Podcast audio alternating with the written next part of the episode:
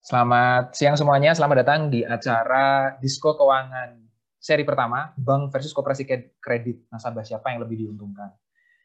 Di sini, perkenalan saya Msena Ludika dari Gapatma. Gapatma itu apa? Singkatnya, Gapatma ini adalah komunitas pembelajar serta media yang fokus pada topik demokrasi ekonomi dan kooperasi. Jadi kita saat ini tuh pergerakan utamanya adalah di Instagram. Teman-teman silakan kalau mau di-follow di Instagram, kita cukup aktif kalau ada apa-apa infonya di sini. Ada YouTube juga dan Spotify. Diskusi kita seperti ini sudah sering banyak dilakukan dengan berbagai tema dan selalu kita rekam supaya bisa dipelajari oleh teman-teman yang belum bisa gabung di hari H. Silakan di-follow. Itu Gapatma. Di sini saya akan memperkenalkan tema hari ini yaitu disko keuangan. Apa itu maksudnya disko keuangan? Jadi disko keuangan itu adalah singkatan ya.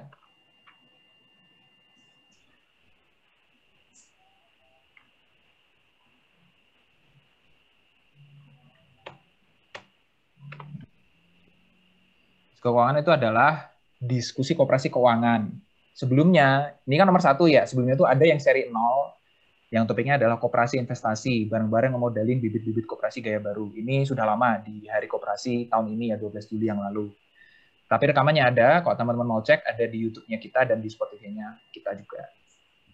Untuk hari ini, kita akan masuk ke Disko Keuangan seri pertama. Di sini sudah dihadirkan Pak Munad Senerang dari Kredit Union Kumang, dan ini harusnya ada Mas Dandi, dan mungkin ada berhalangan, jadi bisa saja telat atau mungkin nanti tidak memungkinkan untuk bergabung. Nah, di sini kenapa kita membuat acara ini? Jadi sebenarnya itu terinspirasi dari video Ekspedisi Indonesia Biru yang nomor 51. Kalau teman-teman ikut mendaftar di form yang kita kemarin sharing, di situ kita memberikan rekomendasi untuk menonton video tersebut terlebih dahulu. Jadi Ekspedisi Indonesia Biru itu adalah ekspedisi Mas Dandi dan Mas Ucok mengitari Indonesia selama setahun. Salah satu videonya yang nomor 51 judulnya bukan bank. Dia meliput CU namanya CU Gemala Kemisik di Kalimantan, Ketapang. Nah, di situ digamblangkan judul videonya aja bukan bank ya. Apa bedanya bank dengan koperasi kredit? Tapi ya tadi kan dari sudut pandang Mas Dadi yang Mas Dadi sendiri merasa ya saya bukan ahlinya tentang koperasi kredit, tapi justru uh, sudut pandang tanda petik ya awamnya itu menarik untuk mudah diterima banyak orang. Tapi di sini saya sudah mengundang juga Pak Monaldus, pendiri CU Kelingkumang, salah satu CU, CU itu kredit union ya, koperasi kredit yang terbesar di Kalimantan untuk ya memperdalam lagi dan untuk menjawab pertanyaan apa sih bank versus koperasi kredit, apa bedanya, apa persamaannya, dan pada dasarnya siapa yang lebih menguntungkan nasabahnya. Itu yang kita rencanakan hari ini. Di sini sudah hadir Pak Monaldus, mungkin boleh salam-salam dulu Pak. Halo Pak Monaldus. Halo. Masih sekali sudah bersedia hadir. Ya, di sini kita akan saling sharing. Itu saja untuk intronya. Saya akan lanjut ke susunan acara dan sedikit tutorial tools yang kita gunakan untuk diskusi siang hari ini. Susunan acaranya adalah kita akan materi dulu dari para pemantik, itu dari Pak Monaldus dan dari Mas Dandi nanti. Setelah itu kita akan lanjut diskusi dari pertanyaan yang sudah kemarin dikumpulkan waktu form pendaftaran ya. Itu sudah uh, moderator Ramu menjadi alur pembicaraan supaya lebih mengalir. Berikutnya, tapi nanti teman-teman yang di sini juga tetap punya kesempatan untuk diskusi secara live tapi supaya diskusi kita teratur, kita akan pakai alat yang namanya selidu. Apa itu selidu? Nah, ini mungkin Mas di sini ada Mas Bima sebagai co-host. Mungkin boleh di-share Mas Bima chat-nya untuk link selidunya. Jadi selidu ini adalah suatu link nanti kalau linknya teman-teman buka nanti akan tampilannya seperti ini. Gunanya apa? Jadi kalau teman-teman mau nanya, misalnya pertanyaan satu, tolong diberi nama ya. Nah, pertanyaan itu nanti akan direkap bareng-bareng di satu tempat. Dan kalau misalnya nanti teman-teman belum kepikiran mau nanya apa, tapi ngelihat hmm. pertanyaan yang bagus, wah pertanyaannya Sena bagus nih, aku like deh. Gitu. Jadi nanti kita akan mulai membahas pertanyaannya dari atas, yang votingnya paling banyak. Jadi kita akan taruh di sini pertanyaan maupun hal yang pengen ditanggapi oleh uh, pemantik Tujuannya supaya kalau kita taruh di chat, Zoom itu kan sering nanti tenggelam ya, hilang sendiri dan kita tidak tahu mana yang penting, mana yang enggak. Jadi mohon buka link Slido yang dibagikan oleh kami. Jadi sambil dengerin, sambil buka linknya, kalau kepikiran mau nanya apa, langsung tuliskan di situ aja. dan sebisa mungkin sesegera mungkin dia nulisnya ya supaya nanti teman-teman yang lain yang belum kepikiran bisa voting pertanyaannya teman-teman. Jadi nanti kita akan mulai dari atas. Kita kan belajar kooperasi. Karena kita belajar kooperasi ya jadi kita belajar demokratis ya. Yang voting paling atas kita utamakan. Begitu kira-kira. Jadi tapi nanti juga ya uh, ada info dari kami nanti dari panitia akan berulang kali membagikan linknya karena nanti kan ada teman-teman yang baru gabung dan mungkin mereka belum tahu bahwa ada link Slido ini. Jadi akan berasa agak spamming ya. Jadi mohon dipahami. Gitu. Sudah dibagikan oleh Mas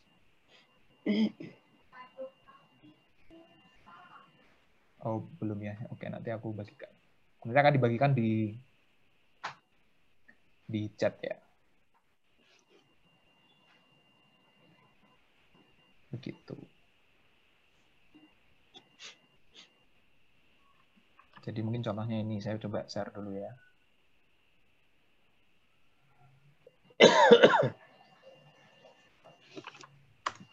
ya, itu bisa teman-teman klik, ya nanti bisa voting dari sini. Itu saja intronya untuk uh, diskusi kita pada siang hari ini. Kita akan masuk ke materi dari pemantik, yaitu dari Pak Minaldus. Ini saya akan buka Pak ya, slide-nya. Kita mulai. Jadi ada tambahan satu slide sebelum terima kasih. Oh, ada satu slide sebentar Pak ya. Tambahkan. Sebelum terima kasih. Sebelum terima kasih. Sebelum penutup. Sebentar. Sebelum terima kasih. Oh, oke okay, baik. Oke, teman-teman mohon menunggu sebentar.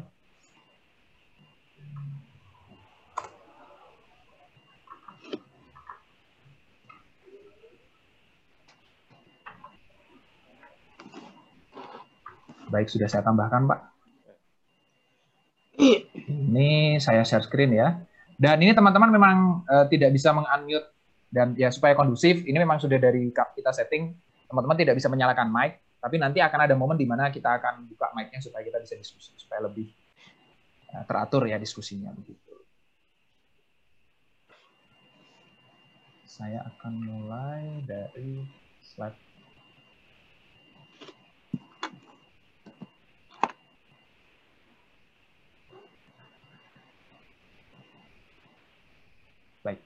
Pak Moraldus, waktu dan tempat dipersilakan.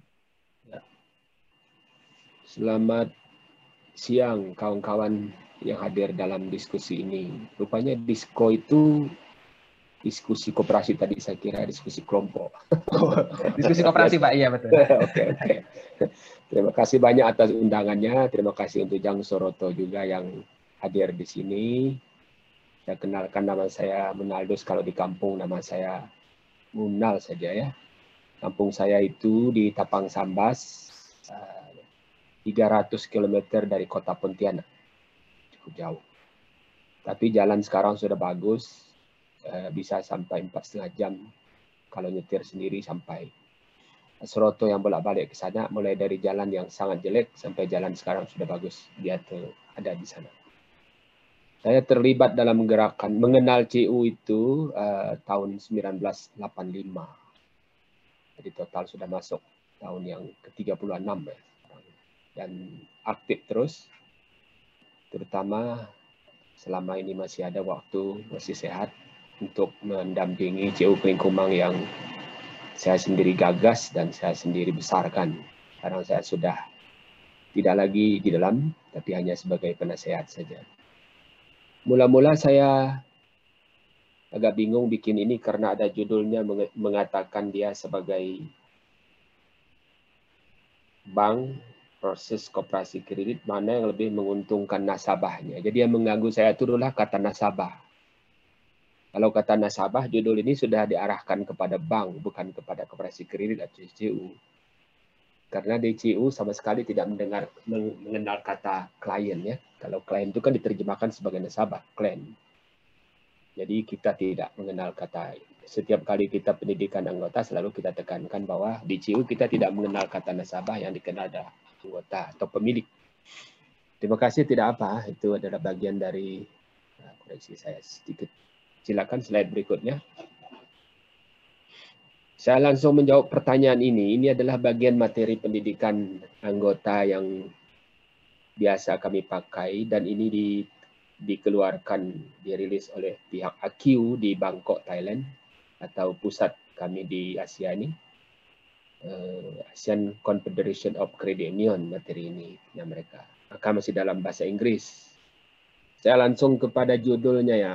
Apa sih beda antara koperasi dan bank eh, bank dan koperasi kredit kami nyebutnya CU lebih enak Nanti saya akan jelaskan sejarahnya waktu kami mendirikan. Mengapa menggunakan kata CU, itulah password yang membuat banyak anggota masuk. Kalau menggunakan kata koperasi pada awalnya dulu, saya kira kami tidak akan berhasil membangun koperasi keuangan seperti ini. Karena anggota begitu dengar koperasi, mungkin setengah jam mereka langsung pulang.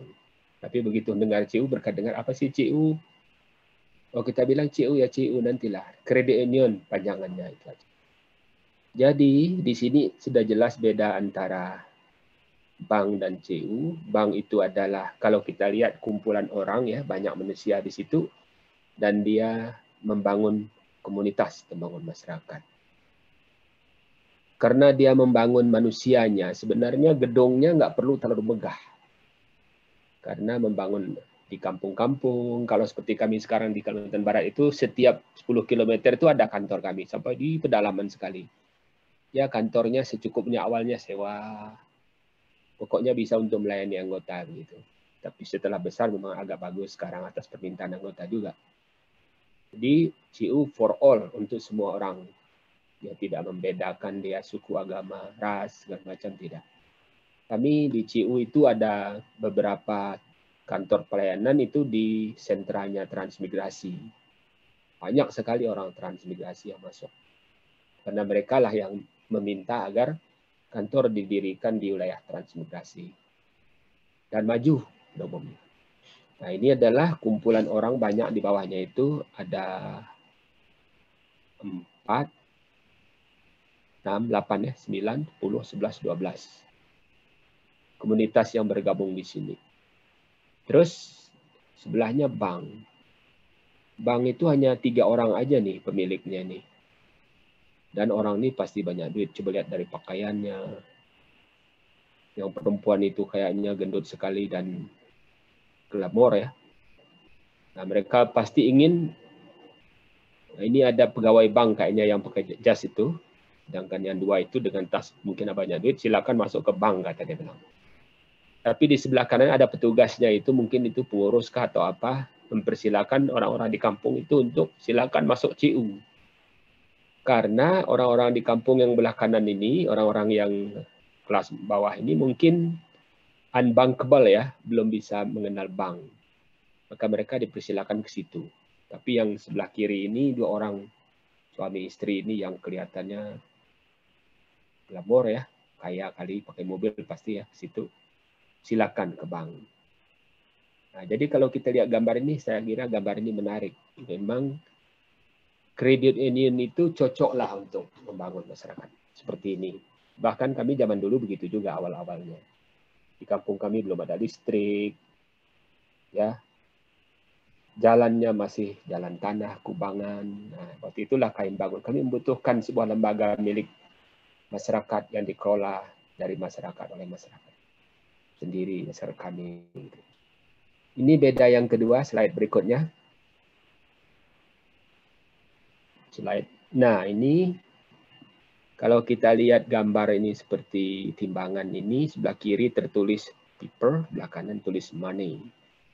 Gambarnya sebelah kiri ini ada orang, ada empat orang di situ, tapi sebelah kanan itu eh, keranjangnya penuh dengan lembaran. Lembaran itu lembaran uang, money. Jadi CU itu kumpulan orang Sedangkan bank itu kumpulan uang. Diberi keterangan di sebelah CU di situ, people is the most important asset of the credit union atau koperasi kredit. Jadi anggota atau komunitas tadi adalah aset paling penting daripada CU. Maka CU itu kumpulan orang. Di situ di incorporate untuk meranking CU nomor 1, 2, 3 itu tidak dari jumlah asetnya tapi dari jumlah anggotanya. Anggota yang paling banyak itulah yang di urutan pertama dalam perankingan menurut Inkobdip. Itu asal usulan kami dulu. Karena CU adalah kumpulan orang. Jadi bagaimana orang yang masuk sini diusahakan lebih banyak. Walaupun uangnya kecil-kecil, tidak apa-apa. Kami punya 180 sekian ribu, ya satu orang hanya 8 juta lebih saja kontribusi terhadap asetnya, kecil. Nah, tapi terkumpul 1,6 triliun, kan luar biasa itu kekuatan. Kayak seperti people power lah kalau gitu. Tapi dalam bidang ekonomi gitu. Dan itu banyak sekali macam ragam manusia dari suku, agama, ras, segala macam. Tidak dibeda-bedakan di situ. Makanya dia saling mendukung, saling ya memberikan kontribusi. Baik, beda yang ketiga. Nah, kita mau ke sebelah bank dulu ya, bagusnya. Bank itu membangun sektor keuangan, nomor satu. Ah, ini dia, clients are user. Jadi, pelanggan itu, eh sorry, apa tadi nasabah itu, klien itu diterjemahkan sebagai nasabah, itu hanya pengguna, pengguna layanan, penggunaan layanan bank, simpan pinjam, atau layanan eh, pembayaran, yang ketiga, profit return to investor. Keuntungan itu kembali kepada investor. Orang yang mungkin investornya tidak banyak. Kayak saya tahu bank itu sekitar 10, 4, 8, 12. Kalau PT itu kan kalau tidak salah saya tiga orang bisa dirikan PT itulah investornya. Karena kalau bank ini mesti PT dia. A concern about high profit for investor. Jelaskan ya. Konsennya, kepeduliannya apa? keuntungan yang sebesar-besarnya atau tinggi untuk investor itu, bukan untuk nasabah. Nasabah ini bunga simpanannya rendah-rendah. Kan? Tidak pernah dapat. Sekarang paling 3% potong pajak lagi. Lalu savings mobilized from public invested in large enterprise and financial market. Jadi tabungan yang dimobilisasi dari masyarakat diinvestasikan di perusahaan besar ya, dan pasar keuangan. Nah, itulah ciri-ciri dari bank. Sedangkan ciri-ciri dari kredit union itu membangun komunitas tadi. Nah, ini kata kuncinya. Members are owner. Anggota adalah pemilik. Maka dia diundang pendidikan, diundang pertemuan, diundang rapat anggota, diundang perarat, diundang pelatihan, Kalau di bank kita tidak pernah ikut RUPS, tak mungkin kliennya atau nasabahnya. Ya pendidikan-pendidikan pun tidak ada, paling ada marketing-marketing. Kalau kita memang dididik betul anggota ini. Profit return to members, keuntungannya kembali kepada anggota. Ini sedang berat ini. Jadi musim berat ini Januari, Februari, Maret dan ini. Nah, kita mulai berkonsultasi dengan anggota terhadap SAU, bagaimana cara baginya, berapa kembali pada anggota, dan berapa cadangan, dan lain-lain. Lalu profit return to adalah tadi ya, concern about members financial future. Jadi kepedulian CU itu adalah perbaikan masa depan keuangan anggota. Jadi CU paling senang kalau anggotanya berhasil. Dulunya nggak ada sepeda motor, sekarang ada sepeda motor. Dulu nggak ada mobil, ada mobil. Dulu rumahnya jelek, sekarang bagus. Dulu tidak ada usaha, sekarang usaha. Dulu kebun karet atau sawit atau kebun apa itu hanya seadanya, sekarang sudah punya makin banyak. Misalnya itu dari layanan simpanan pinjaman CU. Lalu saving mobilize invested back to community. Tabungan yang dikumpulkan dari anggota itu disalurkan kembali kepada anggota dalam bentuk pinjaman. Makanya kompetensi inti daripada CU itu ada tiga satu, mobilisasi anggota dan simpanan anggota. Dua, mengelola dana atau simpanan anggota. Dan tiga adalah menyalurkan dana atau kredit pada anggota. Jadi kompetensi inti itu cuma tiga itu aja. Nah, itulah yang harus dilatih terus para staf pengurus itu menguasai kompetensi inti ini. Dan pinjaman yang disalurkan kepada anggota itu harus sebenarnya diutamakan untuk pinjaman yang produktif yang bisa menggenerate income anggota. Nah, itu banyak pelajaran-pelajaran diajarkan kepada anggota bagaimana mengelola usaha produktif dan segala macam. Sekarang kami sedang bergerak untuk mendampingi kelompok-kelompok usaha atau ya mereka yang ber, apa, berusaha di ayam petelur. Sampai sekarang kami ingin juga masuk ke budaya jagung untuk pakan ayam petelur dan sudah sudah cukup bagus nih sekarang sudah berhasil para anggotanya. Kita senang kalau anggota berhasil dan berarti asetnya meningkat. Itu beda antara koperasi kredit kalau di Indonesia terjemahan dari CU tadi bank. Kami orang CU tidak mau sebenarnya menggunakan kata KSP seperti regulasi pemerintah ini. Karena KSP itu koperasi simpan pinjam. Menurut kami simpan pinjam itu core business, bukan koperasinya. Karena oleh sebab itu kami menggunakan kata credit union atau koperasi kredit karena kredit bahasa Latin Latinnya dari credere. Credere itu artinya saling percaya. Jadi kumpulan orang yang saling percaya. Kalau tidak saling percaya, tidak bisa menjadi digabung di sini. Nah, itu. Tapi ya pemerintah ini ya kemarin dikatakan begini di toksonya Pak Soroto itu kalau di, di luar negeri kalau mau jadi politisi dekati koperasi. Kalau tidak dekati koperasi bisa jadi dia tidak jadi politisi. Kalau di Indonesia ini mereka yang kalau ada politisi CU yang mendekati mereka atau koperasi yang mendekati mereka pesan ini pesan itu. Nah, bedanya. Tapi itu menurut saya sifatnya sementara, tapi kelak kita akan bisa juga membuat para politisi itu kalau tidak didukung oleh gerakan koperasi ya ya bisa gigit jari. Nah, itu yang kita perjuangkan sekarang. Slide berikutnya.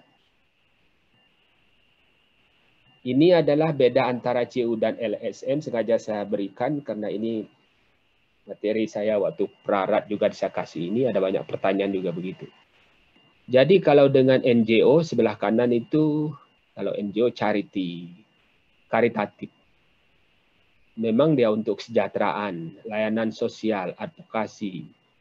NGO tergantung pada dana pihak eksternal untuk beroperasinya. Nah, kegiatan NGO tergantung pada tersedia tidaknya dana dari donatur gitu.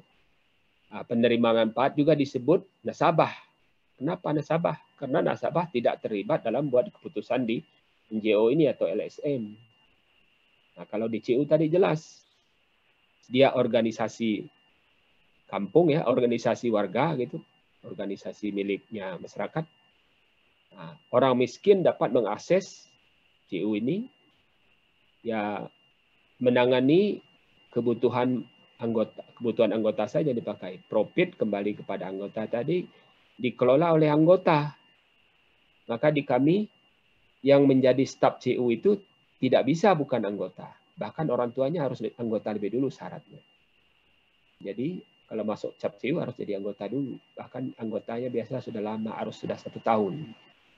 Bukan ketika ada lam, lamar, lamar, lamaran baru masuk jadi anggota, baru masuk jadi staf. Itu kak sulit kita. Berikutnya adalah terintegrasi dengan pengembangan masyarakat. Anggota adalah pemilik, tidak tergantung pada dana dari pihak luar atau dana dari dan donatur untuk mencapai kemandirian. Memang kemandirian itu dicapai melalui swadaya dari anggota oleh anggota untuk anggota. Dan keberlanjutan jangka panjang.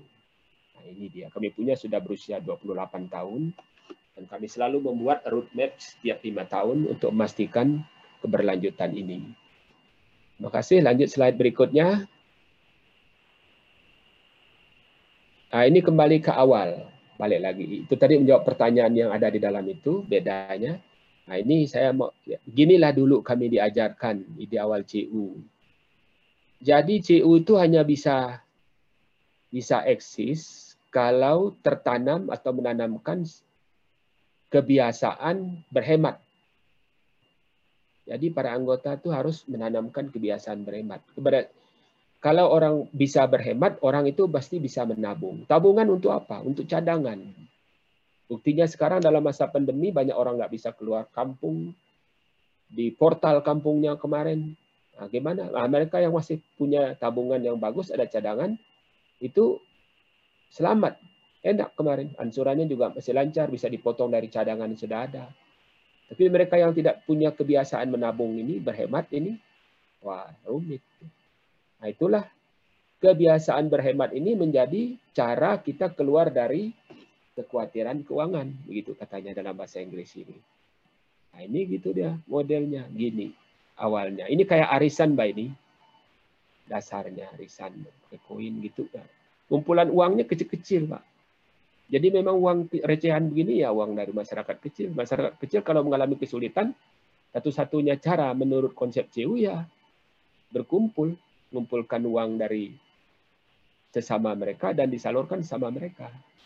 Karena sejarah CU itu begitu bunyi di Jerman itu. Awalnya adalah mereka kesulitan apa makanan. Dikasih makanan, hari ini dikasih, besok minta. Kesulitan keuangan, dikasih bantuan gitu. bantuan langsung tunai. Hari ini dikasih, besok minta lagi gagal.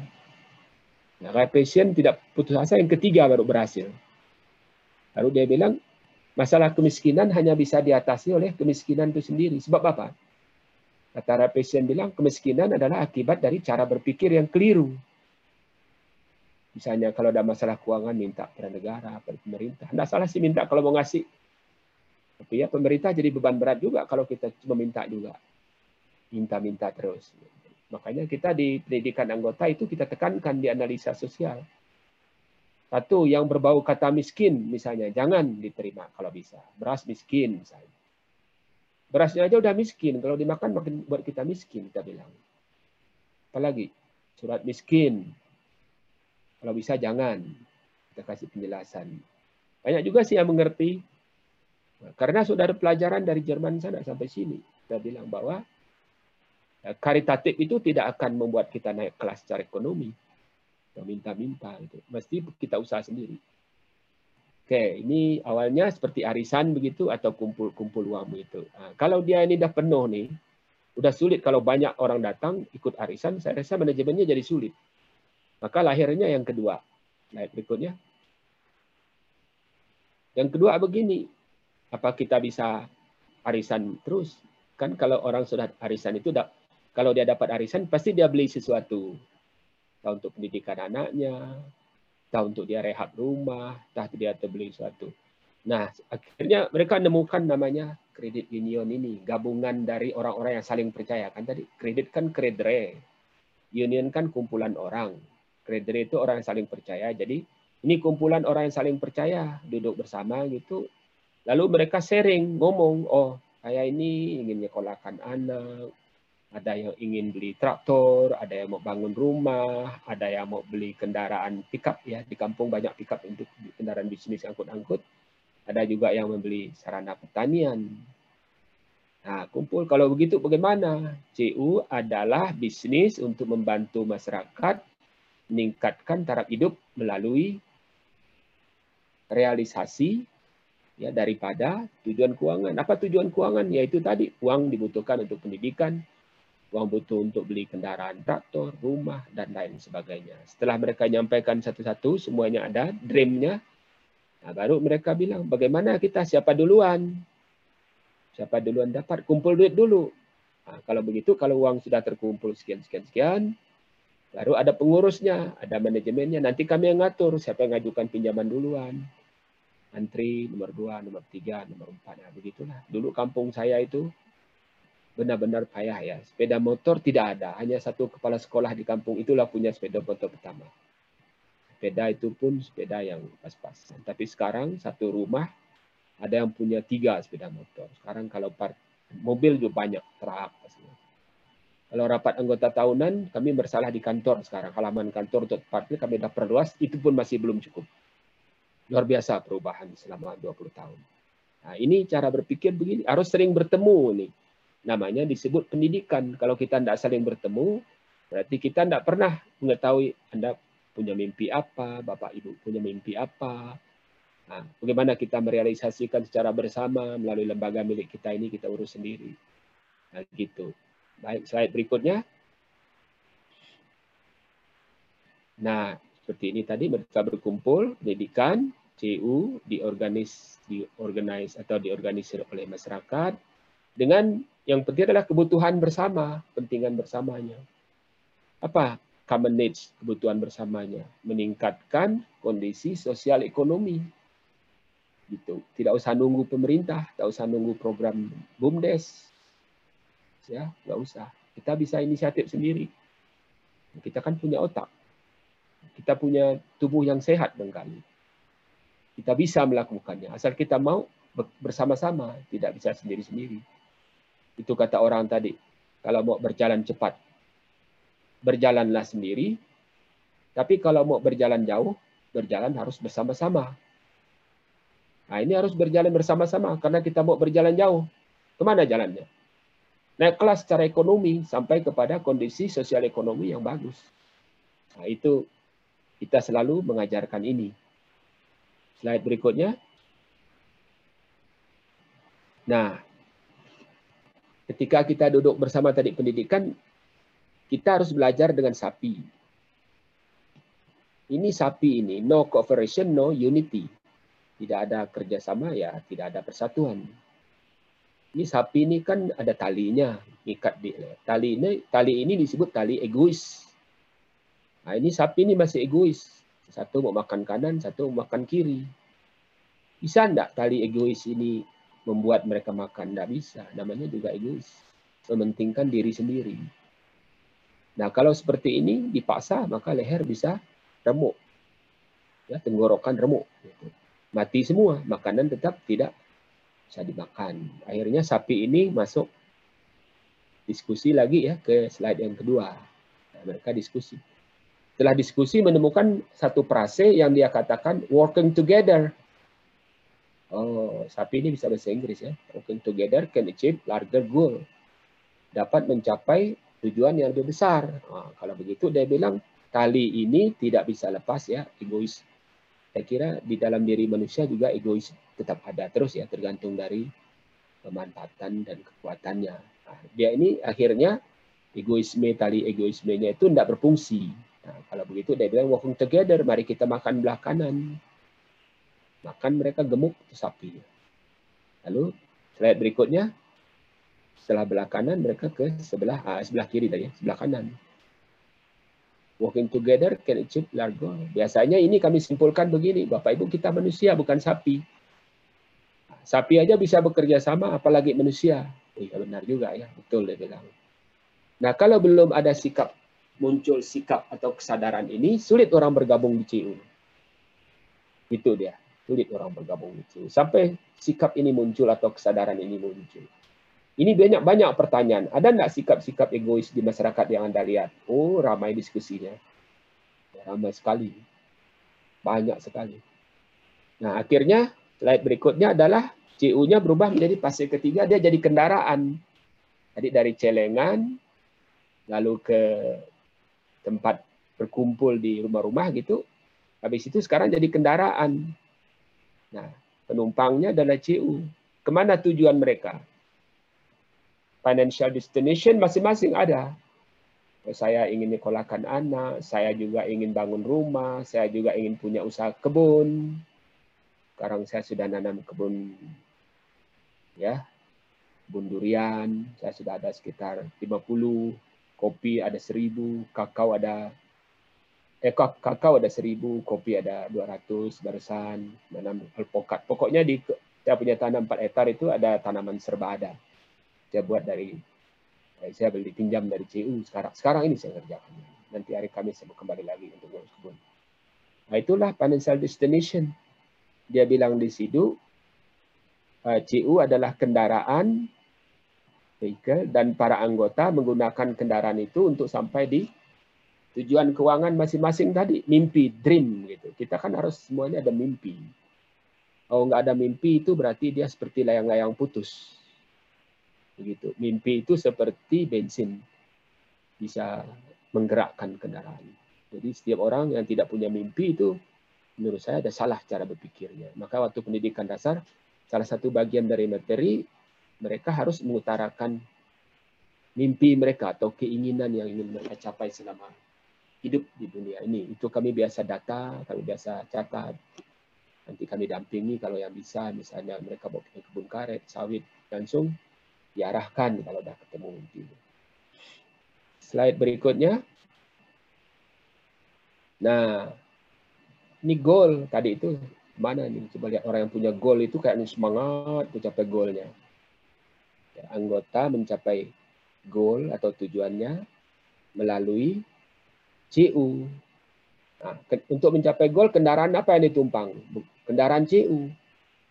Kalau saya tanya, Bapak untuk mencapai goal bisa menggunakan kendaraan bank atau LSM? Nah, mereka bilang tidak. Tapi sekarang banyak yang berhasil pakai kendaraan CU ini. Berhasil, sangat berhasil. Nah, goalnya apa? Tempat di mana tidak ada kemiskinan dan standar hidup meningkat. Itu yang kita kejar. Kalau dia tidak ini, kalau tidak mampu mencapai, ini orang jadi miskin terus. Karena tidak ada perubahan. Apa ciri-ciri dari orang miskin? Kalau saya ngajar mereka, ciri-ciri orang miskin itu sakit mata. Maaf ya kalau ada sakit mata, bukan mata beneran, mata pencaharian. Jadi ciri-ciri orang miskin yang kami tahu itu adalah kata masyarakat juga ya, bukan kata saya. Maaf. Itu katanya sakit mata pencaharian. Suara putus-putus ya. Nah, itu tahu mungkin kalau di sinyal saya ini bagus. Nah, ini Bagus kok Pak, mungkin pesertanya aja yang sinyalnya kurang Itu apa ciri-ciri dari orang miskin? Kalau kami tanya dengan masyarakat di kampung, dia bilang sakit mata. Nah, kejut juga, sakit mata apa? Mata pencarian Pak, dia bilang, oh iya benar.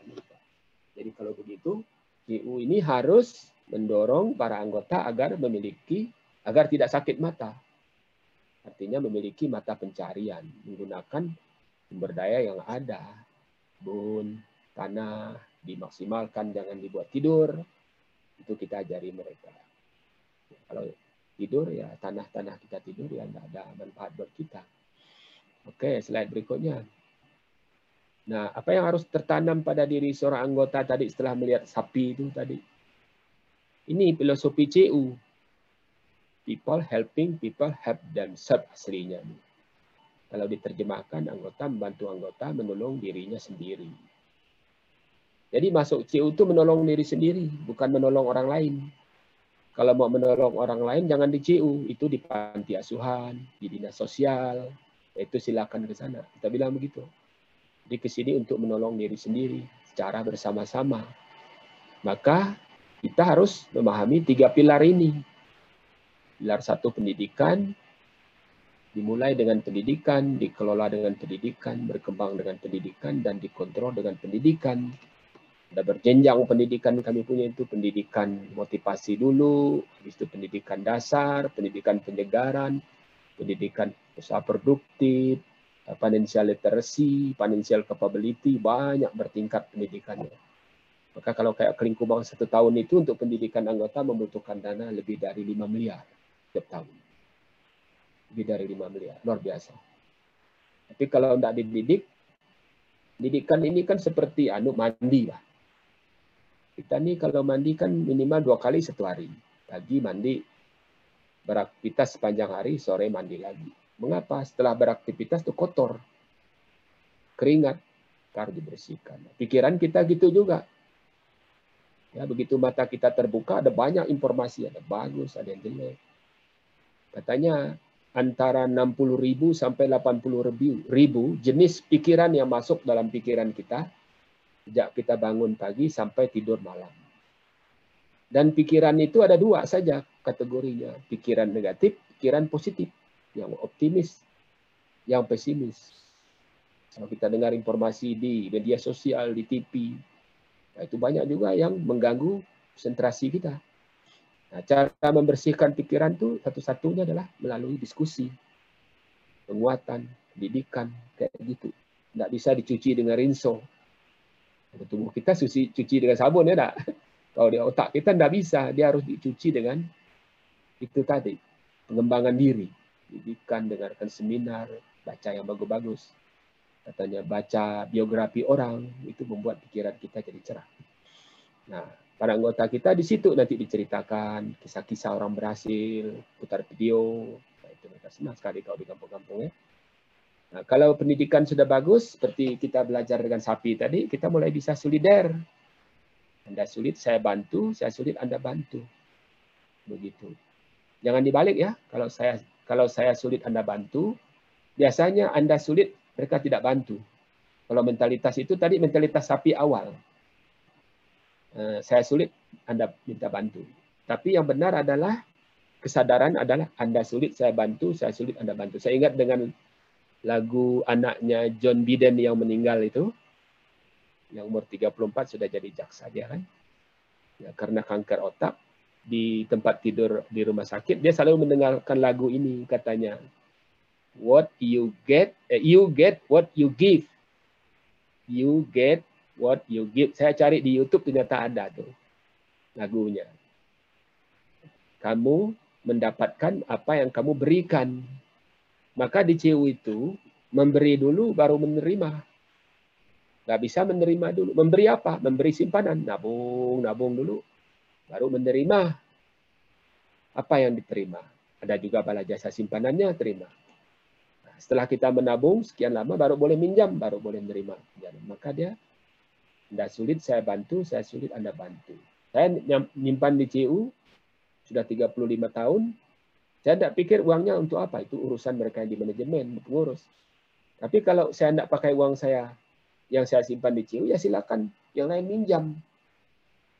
Nah, tapi minjamnya jangan tidak dikembalikan karena saya kalau sudah memberi saya mendapat juga kan mendapat bala jasa gitu. Itu pelajaran kita tuh. Ada spiritualitasnya di sini. Nah, kalau satu dan dua tercapai, masuklah swadaya dari anggota oleh anggota dan untuk anggota. Apa yang kita beri terima itu dari sama kita nggak ada. Jangan kita mendirikan koperasi ini langsung minta mengajukan kepada pemerintah atau kepada donatur tidak jalan. Gitu.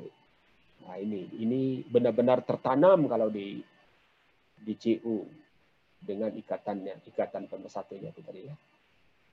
Nah ini selanjutnya slide berikutnya. Nah, kami ingin jadilah 100% anggota dan 100% owner dari pemilik. Kalau dia 100% seperti gambar kendaraan itu dengan simpan pinjam, berarti orang itu untuk mencapai tujuan goalnya tadi harus berjalan dengan dua kaki. Satu kaki penabung dan satu kaki peminjam. Jadi begitu terus, simpan, pinjam, simpan, pinjam. Kalau kita mau jalan kan yang paling enak itu kan jalan dua kaki, kiri, kanan, kiri, kanan, kiri, kanan. Kalau kiri, kiri, kiri, kanan, kanan, kanan, kanan, jatuh juga. Atau kiri terus sampai ke rumah jalan. Atau kanan terus, ya tetap tidak sampai jatuh, lecet, masuk rumah sakit kali ya. Atau kalau nekat juga ketemu satpol langsung ditangkap, masukkan ke rumah sakit jiwa. Mungkin dikira kakinya utuh tapi jalan dengan satu kaki. Mungkin kurang normal pikirannya. Tapi kita maunya anggota ini 100% anggota, 100% pemilik. Nah, bagaimana jalan dengan dua kaki? Seperti ini gambaran visualisasinya. Slide berikutnya. Nah, ini anggota yang berbaju CU dan bermental CU. Ini harus kami tanamkan betul. Bermental CU itu berarti dia anggota pemilik. Nah, berjalan dengan dua kaki, simpan pinjam, simpan pinjam. Tidak bisa nyimpan aja tapi tidak minjam. Atau minjam aja tapi tidak mau nyimpan.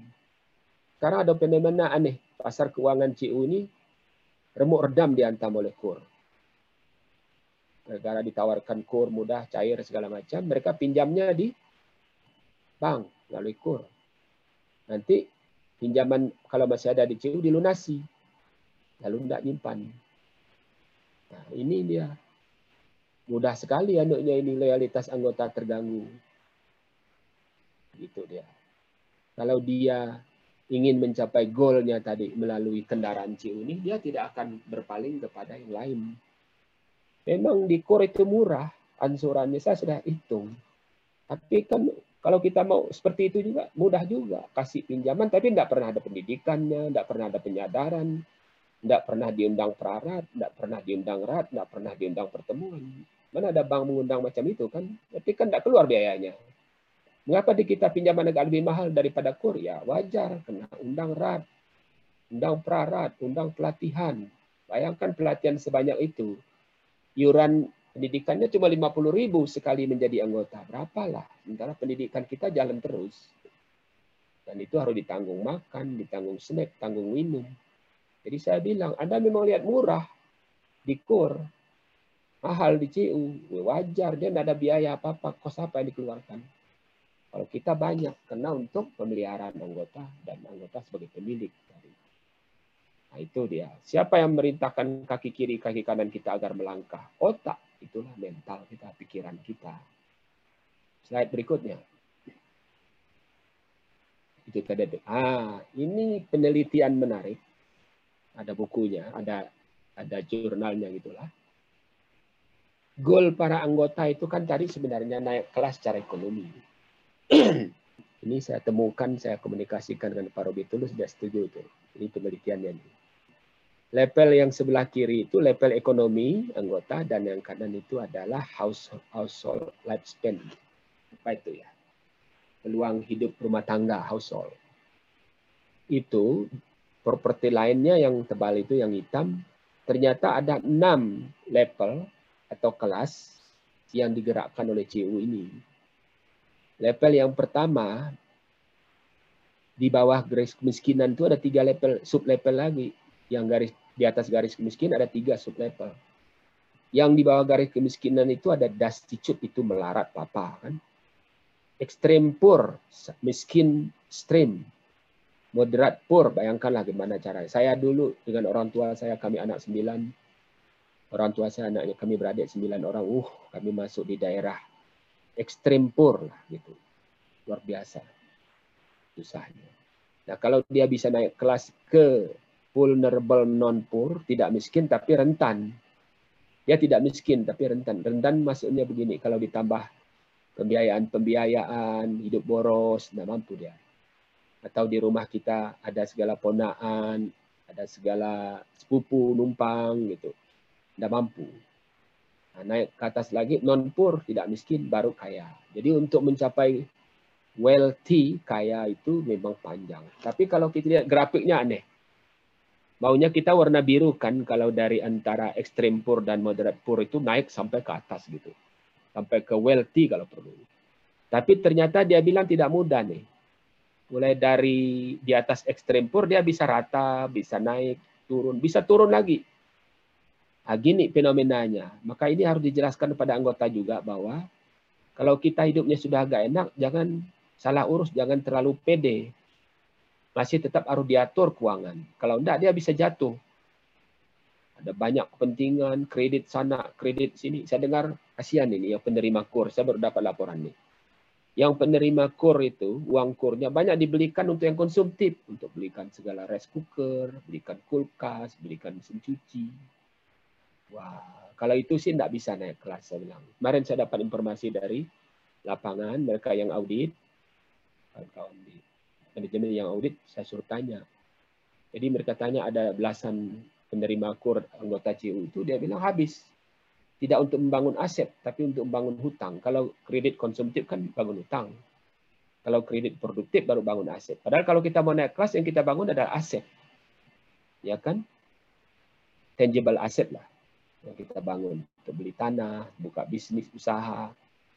Ya, itu dia supaya nak ada kembali lagi uangnya kembali ke beda antara aset dan hutang kan hutang itu kan uang keluar dari kocek kita gitu. Kalau aset itu uang itu masuk ke kocek kita. Gitu. Nah, itu harus diajarkan pada mereka. Dan di kur ini mereka nggak ajarkan bagaimana orang bangun aset dan bangun hutang. Kalau kita diajarkan kredit yang untuk membangun aset itu begini, kredit untuk membangun hutang begini, dampaknya begini, akibatnya begini. Kalau terus-menerus membangun utang, tidak bisa naik kelas seperti ini. Tapi kalau bangun aset, mungkin bisa naik. Nah ini ternyata sulit nih naik kelas. Kalau di sekolah kan gampang. Paling tidak tidak naik, habis itu naik kelas lagi, naik kelas. Kalau di pelajaran di di CU ini, orang itu bisa dan naik kelas 3, turun kelas 1. Naik kelas 2, lalu bisa naik kelas 5. Nanti turun kelas 2 lagi. Itu biasa tuh. Ini modelnya. Maka saya bilang, kalau di sekolah lebih lebih enak. Paling tidak naik kelas. Jarang dengar kita orang turun kelas. Tapi dalam ekonomi dalam masyarakat ini orang bisa turun kelas. Maka yang dulunya kelihatannya kaya, habis itu kok bisa kolap bangkrut lagi. Biasa itu kalau salah urus. Baik, slide berikutnya. Ini yang diajarkan kita pada anggota. Oke, ini bagian dua ini. Seperti apa awal mula lahir Cukaka. Lahir Cukaka itu itu lahir di kampung saya sendiri tahun 93. Dan di kampung saya itu saya yang pertama sarjana, yang lain nggak ada nggak banyak di sekolah. Jadi karena saya merasa yang sarjana saya, saya bilang sama betulan adik-adik saya ikut saya sarjana juga gitu. Kami beradik bilang kampung, saya bilang kita bangun kampung lagi. Hanya ini yang bisa kita sumbangkan ide yang kita bisa sumbangkan untuk warga kampung kita. Kami dulu tidak bayangkan CU sebesar ini hanya untuk dua kampung aja. Kebetulan kampung kami itu kampung yang masih banyak hutannya, lalu datanglah perkebunan kelapa sawit. Kami bilang kami tidak mau menerima perkebunan kelapa sawit. Sampai sekarang kami engklap 3.000 hektar ya. Pak Suroto tahu tuh. Yang lainnya semua habis dengan kelapa sawit sekarang. Habis tanah-tanah. Kami masih ada punya hutan primer 100 hektar dan punya CU ada 60 hektar. Itulah yang kami berhasil amankan berat juga nantang orang kampung. Orang kampung waktu itu sedang benar-benar ingin benar berkebun sawit, menyerahkan tanahnya kepada perkebunan investor ya. Kasih 10 hektar, 2 hektar kembali ke dia, 8 hektar kembali ke perusahaan. Kami bilang tidak mau. Saya bilang saya nih yang sekolah di kota ini. Nah, mereka mau dengar karena sekolah tadi itu. Lalu gimana? Saya bilang kita mendirikan CU. Itu zaman itu masih zaman Soeharto, tidak bisa berkumpul. Berkumpul nggak bisa ini. Saya berapa kali juga. Nama saya dulu katanya terdaftar di tentara itu. Tapi saya bilang ya enggak apa-apa, mati mati dah lah. Kan saya memperjuangkan untuk kampung saya juga. Nah, mula-mula mereka nggak mau. Kita bilang kita dirikan CU. CU itu apa? Ya CU itu panjangannya kredit neon. Gini caranya. Nah, kami pertemuan semalam terus menjelaskannya. Tahu enggak? Kami baru ngasih tahu bahwa CU adalah koperasi setelah dia berbadan hukum tahun 95. Baru, oh ya koperasi rupanya. Iya, koperasi. Baru pemerintah menjelaskannya. Kami tidak mau menjelaskannya. Sekarang maka di sana dengar CU. Ya, yang paling menarik itu ya CU ini saya tahun saya pulang dari Amerika sekolah itu 97 ya. 96 awal 97. Tahun 98 itu kerusuhan di Kalbar, di daerah CU ini. Jadi saya baru pulang dari Amerika. Yang anggota ini banyak orang Madura, tahu ya? Ada juga orang Madura, ada yang guru. Saya pulang. Saya rapat dengan mereka. Ini ini ya, CU ini kita diajarkan satu keluarga. Nggak boleh ada apa-apa. Saya tidak mau dengar ya. Anggota kita itu sampai membuat orang Madura itu jadi korban. Saya bilang gitu. Akhirnya saya uh, meminta waktu evakuasi tentara, saya bilang semua CU membantu tentara untuk evakuasi kota Sanggau. Guru. Yang mas eh, rumah-rumah yang ditinggalkan ini, rumah anggota CU yang Madura ini, saya bilang tolong diamankan semuanya, jangan ada yang sampai hilang. Nah, dievakuasilah mereka ini. Akhirnya. Karena ajaran kita apa? Kalau sudah masuk CU itu satu keluarga, nggak usah lihat dia dari mana, dari mana, dari mana. Nah, puji Tuhan kami berhasil. Jadi setelah reda, mereka ini kembali dan semuanya aman daerah kami, daerah sentra CU ini. Nah itu dia, saya mendapatkan banyak dan uh, pihak kepolisian memberikan apresiasi juga sama kita dalam gerakan CU ini. Jadi dia seperti ya satu keluarga. Makanya bilang uh, one CU, one family bisa bisa begitu kalau kami kampanyenya satu CU, satu keluarga, enggak keluarga semua. Nah ngomong-ngomong di kampung saya sekarang, wah yang S1, S2, bahkan S3 sudah ada. Banyak sekali. Gara-gara CU ini. Kalau tidak ada CU, tidak sampai. Pasti. Itu. Mengapa milih cermat CU? Ya koperasi sebenarnya. Itu milik masyarakat. Tidak ada yang boleh. Karena ada, tidak ada satu orang yang boleh menguasai itu. Karena kalau dengan koperasi itu kan semua anggota jadi pemilik. Jadi semua ikut ikut membesarkannya. Nah, gitu ceritanya. Sekarang kampung kami sudah terang benderang, sudah eh, dideklarasikan menjadi desa wisata. Kami yang saya yang menginisiasinya kemarin. Ya, baguslah. Nah, bahkan sudah berkembang. Bagaimana? Sekarang Desember 2020 kemarin anggota 187.013 orang. Asetnya 1,6 triliun lebih ya. Saya ambil 1,6 triliun aja dari kumpulan anggota. Enggak ada bantuan dari mana pun berdiri 25 Maret 63, jadi tahun 28 tahun. Memang harus pelan-pelan. Kalau kita bangun CU nggak bisa langsung besar, masuk dari keluarga kita dulu. Ya, keluarga kita. Saya kami memfasilitasi pendirian anggota CU di satu komunitas muslim di pinggiran kota Pontianak. Sekarang sudah hampir 20 tahun usianya. Bagus. Nah, caranya begitu. Dari keluarga ke keluarga aja. Seperti makan bubur panas bangun ini. Jadi kalau dari makan bubur panas itu kan dari pinggir yang udah dingin, nggak bisa dari tengah.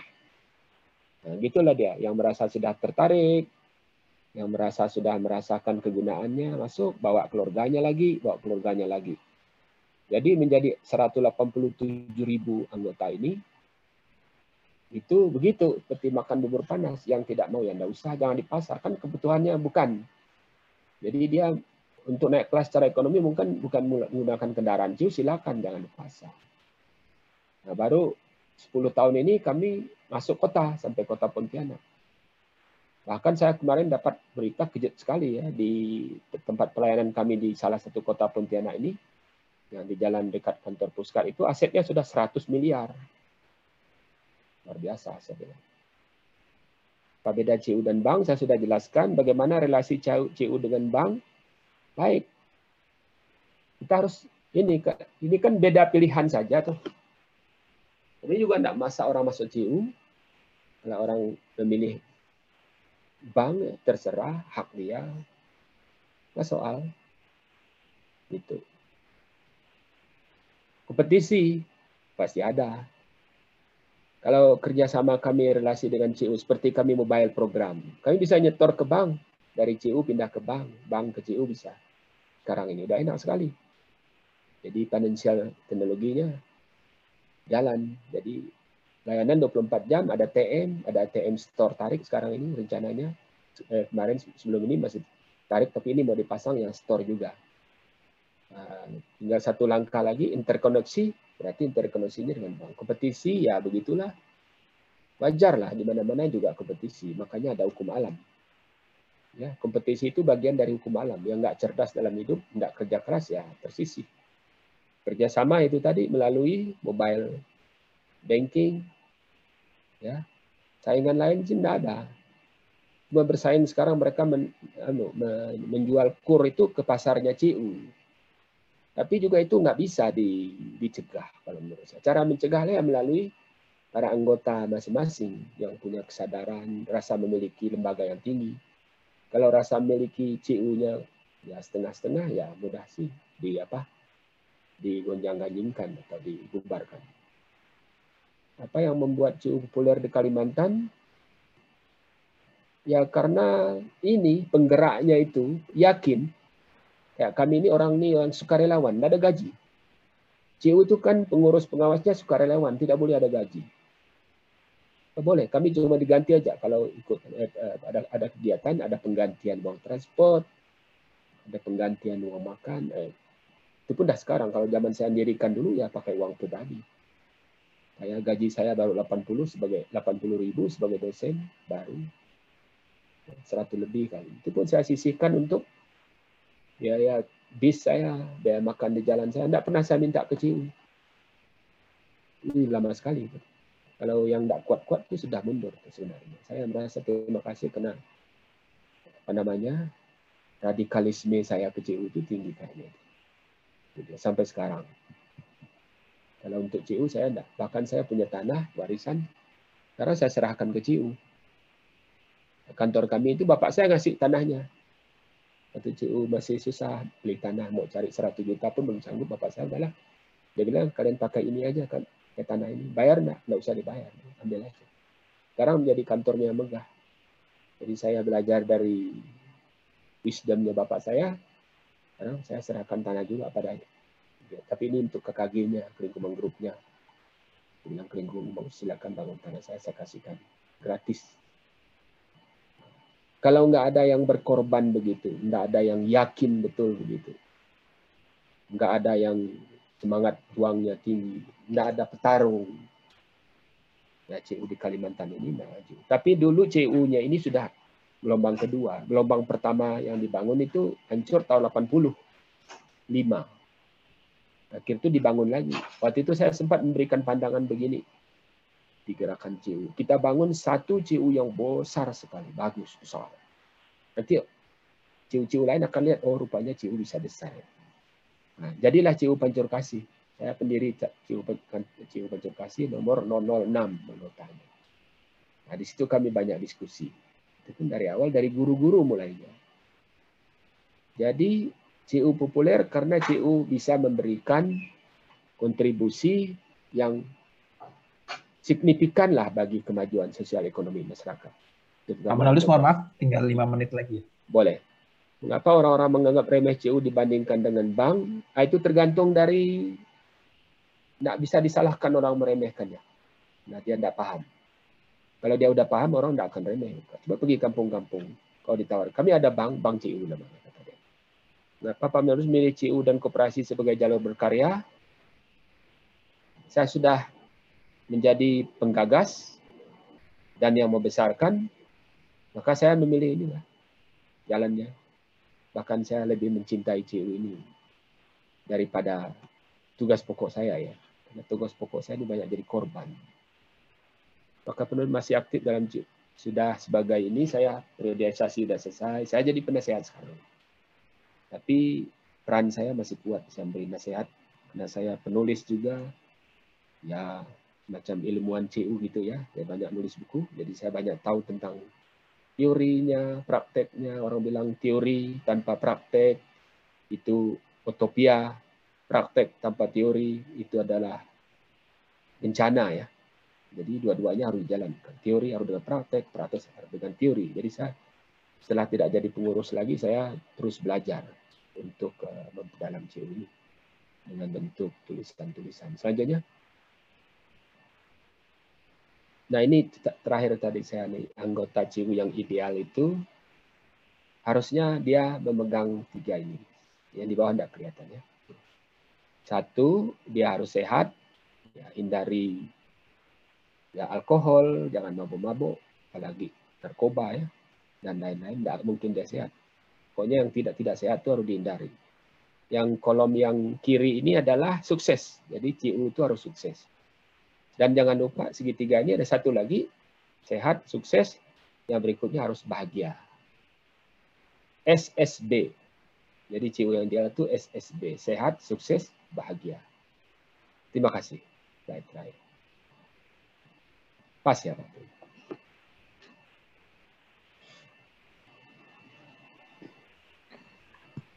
Mantap, sangat padat. Terima kasih banyak Pak Munaldus. Iya. Ini saya mungkin mau menanggapi sedikit. Setelah ini mungkin Mas Dandi kalau mau menanggapi juga sebelum masuk ke materi Mas Dandi setelah ini ya. Saya mau menanggapi sedikit tadi. Saya tertarik sekali dengan beberapa quote-nya Pak Monaldus ini ya. Bahwa di itu kata-kata nasabah sebenarnya itu tidak tepat ya. Karena nasabah itu pengguna saja ya. Sedangkan di CU itu ya anggota itu ya pemilik ya pengguna juga begitu. Itu yang beda pola pikirnya beda banget sih. Ya.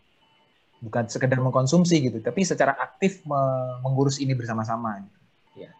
Lalu tadi membangun manusianya bukan gedungnya. Jadi bahkan tadi contohnya kontras ya, bank itu gede bagus keren, CU ya enggak enggak apa-apa. Tapi ternyata tadi malah ada per apa permintaan dari anggota ya kantornya juga bagus juga nggak apa-apa gitu ya. Iya. Asal duitnya sudah ada. Iya, duitnya sudah ada. Kalau anggota minta, mereka akan mengalokasikan budgetnya. Kalau mereka ah, mau mengikuti, okay. boleh. Kalau enggak, enggak bisa.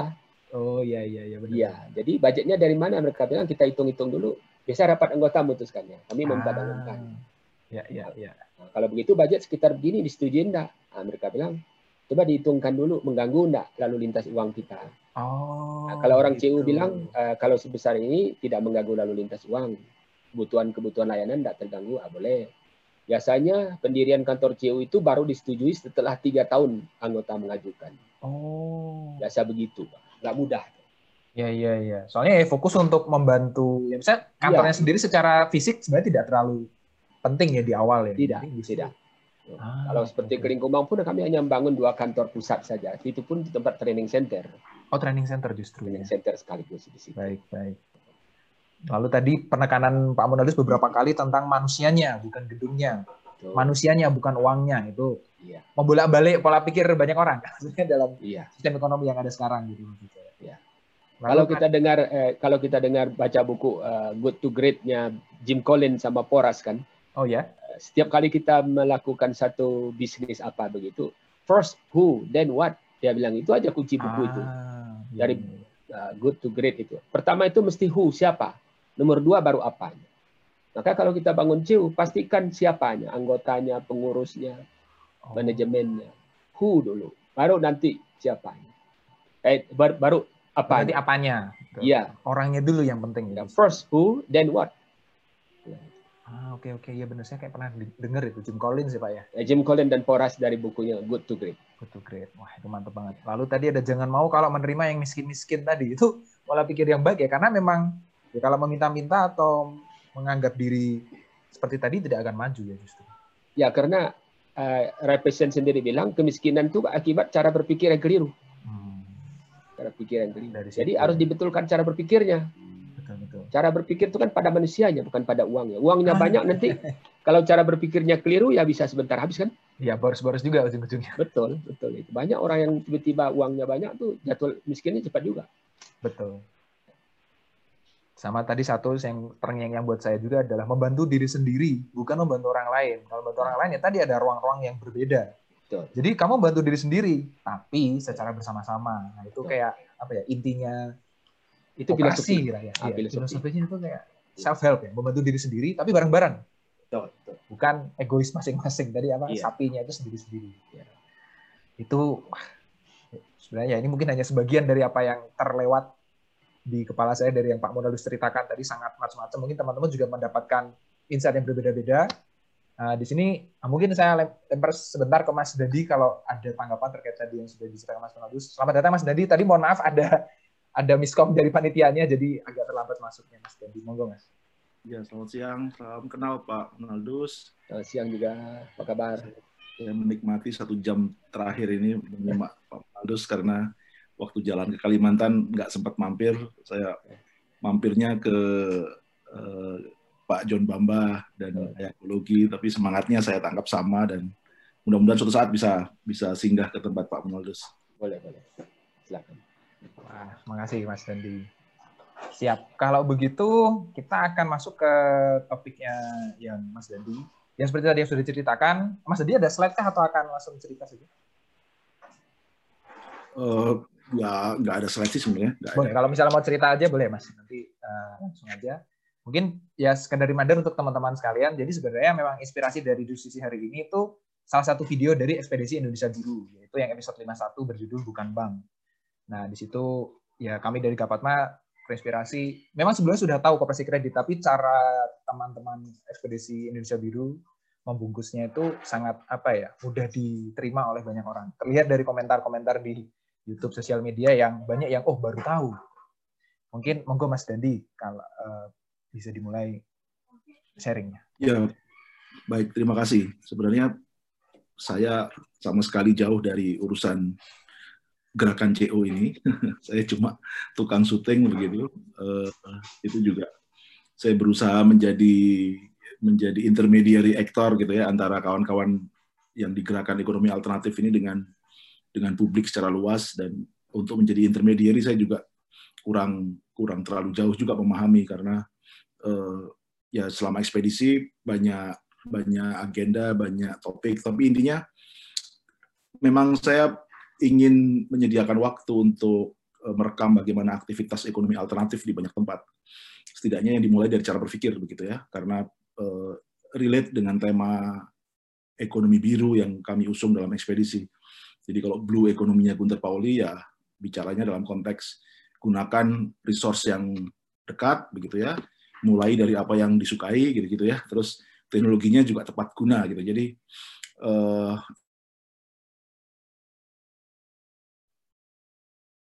Halo? Sorry. Tadi ada miss. Ya, udah lancar lagi. Ya. Jadi uh, apa namanya karena filosofinya dari blue economy dari ekonomi biru maka lokalitas menjadi menjadi baseline dalam tema ekspedisi gitu ya. Termasuk lokalitas dalam konteks uh, model bisnis ekonominya gitu. Jadi uh, makanya kemudian dalam perjalanan ekspedisi Indonesia Biru itu kami uh, misalnya tadinya ingin merekam sebuah tradisi tidur siang gitu di Indonesia Timur siesta itu kan jam 11 eh jam 1 toko tutup gitu ya sampai baru buka lagi jam 4 gitu. Itu dalam logika ekonomi modern kan wasting time gitu ya, ada opportunity loss dalam tiga jam kalau sebuah toko tutup. Gitu. uh, itu ada di Sabang juga ternyata gitu. Jadi apa eh, norma-norma yang kita anggap nggak bisa kita terima dalam logika kita hari ini itu sebenarnya ingin saya angkat sekedar untuk membenturkan memancing dialektika baru saja begitu jadi nggak ada yang normal what so called normal di bawah langit ini kira-kira begitu karena ada banyak alternatif value gagasan dan dan segala macam gitu ya. Jadi di Gorontalo misalnya itu masih ada toko yang tutup di di siang hari baru buka nanti sore begitu ya. Uh, apa namanya? Uh, yang yang itu mungkin tadi filosofinya macam-macam gitu akhirnya kami mengangkat uh, sebuah warung di Gorontalo itu warung sop jagung milu siram namanya yang produksinya hanya 2 sampai tiga jam. Buka warungnya buka 2 sampai tiga jam. Produksinya hanya sekitar dua dua panci besar begitu. Jadi begitu dua panci habis ya sudah selesai gitu. Nggak nggak nambah ke panci ketiga, panci keempat, panci kelima gitu ya, nggak nggak nambah outlet seperti yang akan kita lakukan kalau warung kita laris misalnya, bahkan nggak nambah shift tenaga kerja begitu ya. Jadi berhenti di satu di satu volume, di satu level ya, eh, dan tidak menerima kredit dari bank gitu, walaupun laris kan banyak pegawai bank bahkan bos-bos bank juga makan di warung itu dan sering ditawari kredit. Mau nggak kredit untuk mengembangkan usaha? Karena kan laris nih mereka melihat prospeknya banknya juga melihat uh, apa uh, omsetnya besar gitu. Ya mereka menolak gitu pasangan suami istri ini menolak. Itu yang kami angkat di film Gorontalo baik gitu ya. Uh, saya dalami lagi kenapa kenapa mereka tidak ingin tumbuh usahanya begitu ya. Ya mereka bilang kami tidak ingin menghabiskan waktu hanya untuk mikirin bisnis. Ada usaha ada keluarga yang harus dipikirkan ada aktivitas Eh, pribadi, ada aktivitas spiritual dan segala macam. Jadi ya itu beberapa gagasan-gagasan yang akan menstimulasi diskusi dari apa yang kita anggap normal hari ini gitu ya. Sama dengan misalnya uh, Badui dalam yang hanya mau panen setahun sekali gitu. Uh, karena menanam hanya setahun sekali gitu. Nggak boleh lebih dari itu atau konsep pertanian di Kasepuan Cipta Gelar yang juga hanya panen satu tahun sekali. Alasannya juga sederhana karena kalau setahun dua kali kita akan kelelahan ngurusi pertanian gitu ya. Sementara banyak tanaman lain yang harus diurus, eh, durian, eh, jengkol begitu ya. Sehingga diversifikasinya jadi nggak diurus karena ngurusin satu monokultur begitu. Eh, itu itu alasannya begitu dan justru dengan panen justru dengan musim tanam setahun sekali padi ladang pula begitu ya karena hanya mengandalkan air hujan justru kekayaan unsur hara tanahnya justru lebih bagus gitu. Artinya panen setahun sekalipun satu satu ladang, satu petak ladang dengan lima atau enam keluarga anggota keluarga surplus dalam setiap tahun kan nggak mungkin kalau nggak surplus punya konsep lumbung. Ya, karena banyaknya lumbung di di Banten Selatan atau di Sunda atau di banyak tempat atau Toraja itu menandakan bahwa setiap keluarga pasti surplus pangan gitu. Uh, punya reservoir gitu ya punya cadangan Kan. Kalau nggak punya konsep surplus, eh, nggak mungkin ada lumbung. Nah, jadi eh, ada size ekonomi yang yang mereka definisikan tidak berdasarkan basis pertumbuhan, kira-kira gitu ya. Itu yang kami rekam dalam dalam film Gorontalo Baik. Gitu. Eh, dan banyak kisah seperti itu ya. Kalau teman-teman melihat misalnya dengan dengan berbagai alasan ya, baik spiritual maupun yang lain-lain. Jadi kalau misalnya di kampung saya di Lumajang itu ada warung rujak yang hanya maksimal sehari hanya jual 60 bungkus. Jadi kalau ada orang antri sekalipun dia hitung tuh. 57, 58, 59, 60. Sampun ya, sampun sampai ngiliki mawon gitu. Sudah ya, cukup sampai di sini. Yang lain mohon maaf, besok kembali lagi gitu. Jadi kalau ada orang antrian dia sudah hitung. Karena dia hanya mau 60 orang saja yang yang, yang atau misalnya eh, apa lele Mbak Marto juga sama kan mangut lele Mbak Marto di Jogja juga dia begitu sudah habis ya sudah dia tidak akan buka cabang dan segala macam. Nah, itu kan berbeda dengan logika tadi pertumbuhan ekonomi eh, apa namanya eh, progres dalam bisnis dan segala macam yang yang kita eh, yang kita terima sebagai sebuah norma dalam sistem pendidikan formal kita dan masuk dalam alam bawah sadar kita bahwa dia berekonomi apa segala macam tuh harus ada growth yang material yang terukur dan macam-macam gitu ya. Yang di mana aspek-aspek yang non ekonomi non material tidak diakui sebagai instrumen dari sebuah keberhasilan berekonomi gitu misalnya. Kelestarian lingkungan tidak dihitung dari kemampuan ekonomi untuk memperpanjang daur hidupnya misalnya. Itu nggak masuk dalam rumus-rumus ekonomi begitu ya. Happiness indeks happiness seperti yang digunakan eh, mana namanya eh, eh, negara ah aku lupa nama negaranya. Happiness pakai happiness index ya. Eh, bukan bukan itu bukan. apa Butan kalau nggak salah ya. Butan, betul, betul. Thank you. Jadi menggunakan happiness index gitu ya, bukan menggunakan GDP gitu, ukuran ekonominya gitu ya. Nah, itu tidak pernah ada tempat gitu ya dalam dalam ekonomi. Makanya kemudian seperti seperti uh, Sumaker itu menawarkan alternatif ada meta ekonomi kalau ada. Uh, jadi ekonomi itu ada metanya gitu. Nggak hanya yang biasanya kan yang yang non meta itu yang material ya. Jadi meta ekonomi itu ada. Jadi, maka kemudian lahirlah konsep small is beautiful dan segala macam.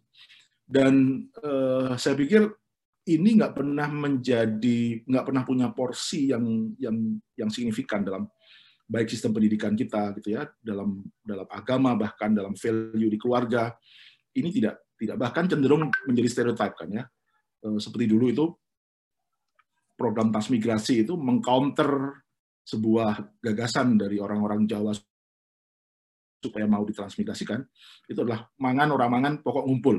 Itu jadikan stereotip ya. Eh, apa namanya? Dianggap bahwa orang seperti ini nggak punya nggak punya mentalitas adventure nggak punya mentalitas eh, apa namanya? Merantau seperti orang Padang begitu ya. Padahal tujuannya supaya segera keluar Jawa dan menjadi buru-buru perkebunan begitu ya eh, apa politik demografi sejak zaman Hindia Belanda sampai Orde Baru dan segala macam. Jadi ini bagian dari eh, memerangi kultur itu. Tapi ya dua ini kemudian sering kita dengar menjadi menjadi eh, stereotip. Jadi makan tidak makan yang penting berkumpul itu eh, ya dianggap ketinggalan begitu ya, dianggap tidak ingin tidak ingin maju dan segala macam. Padahal eh, apa kita tidak pernah belajar sesungguhnya, nggak pernah mendengarkan versi apa eh, apa namanya gagasan di balik uh, value makan tidak makan yang penting kumpul ini. Artinya apa pun kondisi ekonomi yang terjadi, yang penting dalam satu unity, yang penting dalam satu komunitas gitu. Uh, apakah ini adalah antitesis antitesis dari individualisme? kita nggak pernah nggak pernah punya referensinya gitu ya. Uh, kita hanya dapat satu gagasan, dapat satu pengenalan melalui pendidikan dan segala macam bahwa orang-orang terutama saya angkatan yang sekolah tahun 80-an di SD SMP Eh, gagasan bahwa orang-orang Jawa pemalas begitu. Eh, kemudian pemerintah berusaha membuka lapangan, membuka ekonomi dengan proyek transmigrasi. Ya saya pikir Pak Munaldus bisa bisa menceritakan selanjutnya apa terjadi pada Sumatera dan Kalimantan setelah gelombang transmigrasi. nah, eh, lalu sampai di sampai di Kalimantan ya dalam ekspedisi itu di bulan Oktober ya 2015 bulan ke-10 dalam perjalanan kami saya melihat setelah saya mengambil gambar uh, sawit dan tambang di Kalimantan Timur Tengah uh, dan menjadi dua film asimetris dan Sexy Killers. Lalu di Kalimantan Barat saya memang ingin uh, mengangkat uh, union gitu ya. Walaupun juga pengetahuan saya juga masih masih terbatas uh, apa tentang tentang seluk beluknya begitu. Lalu ya saya berdiskusi dengan dengan banyak kawan melakukan riset dan ya seperti halnya orang luar Kalimantan selalu memandang kredit union itu ya pancur kasih gitu. ya, dari jauh itu kelihatannya cuma pancur kasih aja seolah-olah di Kalimantan itu. Yang kemudian setelah saya riset, saya ngobrol dengan beberapa orang juga mulai memahami petanya gitu ya. Eh, pancur kasih sudah bertransformasi menjadi apa dan segala macam gitu. Eh, lalu saya berpikir, oke, okay, ada nggak yang yang puritan, ya, yang masih root, yang saya bisa nggak menelusuri genealoginya, gitu. yang bukan sudah dalam bentuk pancur kasih dengan aset 8 triliun, gitu. yang wah yang saya lihat juga sudah kayak bank gitu ya, mohon maaf mungkin Pak Munalus dan pikiran lain. Tapi saya melihatnya sudah sudah bank dalam versi lain, tempat orang menghindari pajak tabungan dan segala macam. Uh, yang saya pikir, wah saya kalau merekam ini jadi misleading ini untuk mengenalkan CU gitu kan. Uh, apa namanya saya saya perlu mencari akarnya gitu eh, sehingga ya diarahkanlah kemudian ke ke dayakologi gitu ya dan di situ saya bertemu dengan Pak John Bamba, Pak Messer dan segala macam. Ya Kalimantan Barat selalu kompleks peta politiknya ya. Jadi saya tidak ingin masuk ke situ. Pak Munalus mungkin juga sudah senyum-senyum aja beliau. Tapi intinya saya mau masuk ke apa sih filosofinya begitu. Uh, ya lalu saya diarahkan kalau mau beneran mau tahu hardcore-nya ya ke kampung. Ya oke saya akan akan sekampung apa gitu. Saya sudah kadung 10 bulan jalan dari Jakarta kalau cuma nyari kampung di Kalimantan Barat saya siap. Lalu saya diarahkan ke ke Tanjung ke, ke Union ke Malakemisik gitu ya. Nah ya selebihnya ya sudah menjadi film yang sudah sudah kawan-kawan uh, tonton. Nah, persoalannya adalah bagaimana saya yang juga belum terlalu menguasai uh, seluk beluknya dan detail-detailnya uh, akan menyampaikan ini kepada publik ya maka kalau saya boleh share screen sebentar. Bisa harusnya kalau Mas Dandi sudah dibuka.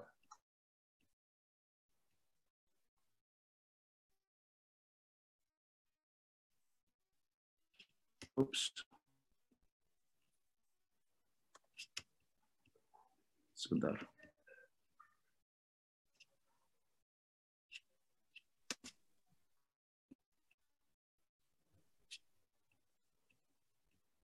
Ya, maka saya ya menjelaskan dari pintu di mana masyarakat umum tahu yaitu bank begitu. Jadi tidak ada cara lain menjelaskan sesuatu apa pun konsep atau apa pun kecuali lewat pintu masuk dari sesuatu yang sudah mereka ketahui. Maka mulai memulai uh, serial tadi uh, episode 51 tadi dengan menjelaskan bank sebenarnya. Dan itu menjadi sebuah episode yang panjang memang karena saya harus menjelaskan dua Eh, bank, kemudian CO sendiri, dan kemudian baru orang akan bisa menemukan di mana eh, letak perbedaannya. Ya. Jadi saya membaca buku Pak John Bamba, mendengarkan semua ulang wawancaranya dan segala macam, juga eh, sempat membaca-baca tentang Cidelaras, sedikit ke Lingkumang dan segala macam. Yang menemukan satu satu persamaan tadi ya bahwa apa namanya Eh, anggota sebagai pemegang kedaulatan tertinggi dan ini bukan tentang uang itu itu saya pikir persamaan di di antara beberapa varian perbedaan di di eh, di masing-masing karakter CU ya. Nah, eh, ya akhirnya jadilah episode itu bukan bank yang saya juga surprise karena memang sama halnya dengan saya ketika pertama kali mendengar ide CU terpesona begitu apa tercerahkan gitu ya. Dan saya pikir ini juga kita jauh dari jauh dari progres warga kampung yang sudah lebih dahulu mengetahui tentang CU karena memang sistem pendidikan kita dan akses informasi kita di televisi tidak ada cerita soal ini, eh, di media-media mainstream nasional tidak ada cerita soal ini.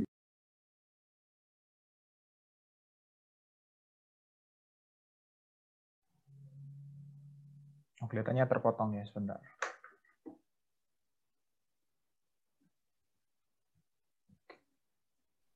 Sorry, terputus ya? Iya, ini udah balik lagi, Mas. Sudah bisa. Oke. Okay. Saya ulang lagi. Ya, jadi uh, kawan-kawan membaca ntar di video-video di video yang sudah kami upload ya memang tadi banyak banyak yang proses berpikirnya sama dengan ketika saya mulai mengenal CU dan saya pikir memang sudah seharusnya gagasan ini disebarluaskan dengan cara yang populer lewat platform-platform yang yang lebih populis begitu ya yang uh, saya pikir ya mudah-mudahan ini bisa menstimulasi lagi walaupun ini ya ya telat berapa puluh tahun setengah abad mungkin sejak sejak CU mulai misalnya dikenalkan di Indonesia gitu misalnya uh, tapi ya agama juga nyampe kita juga 600 tahun kemudian kan, gitu aja lah.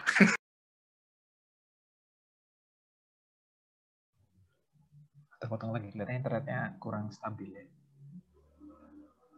Oke, sambil ditunggu sih.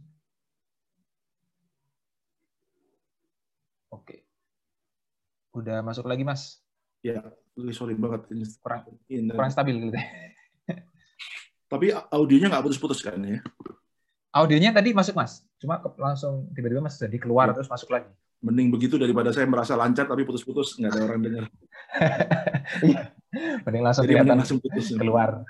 Oke, okay, iya. lalu sampai di Aceh uh, saya menemukan yang lain lagi gitu ya, yang yang kemudian menjadi satu episode berjudul uh, Bank Mawah begitu ya. Jadi itu juga diekstrak dari dimodifikasi dari uh, sistem ekonomi masyarakat lokal di Aceh yang disebut sistem mawah. sama lah dengan banyak tempat ada pemodal, ada penggarap uh, bagi hasil gitu. Tapi mereka memodifikasi uh, dengan lebih berorientasi kepada penggarap yang mendapat porsi lebih besar daripada pemodalnya. Gitu. Tapi itu pun tetap diikat dalam satu kooperasi yang sama, yang yang hak dan anggotanya sama. Tapi begitu dalam operasional, mereka terbagi menjadi mana yang penggarap, mana yang pemodal, gitu kira-kira. Mereka tidak memungkiri bahwa dalam masyarakat ada struktur sosial antara yang the have dan the have not misalnya, dan mereka berusaha mempertemukan dalam marketplace justru dalam operasi gitu, supaya eh, disparitas antara the have dan the have not tidak menjadi problem sosial gitu ya. Justru menggunakan perbedaan antara mereka yang punya modal dan mereka yang tidak punya modal eh, menjadi sebuah social unity gitu, menjadi sebuah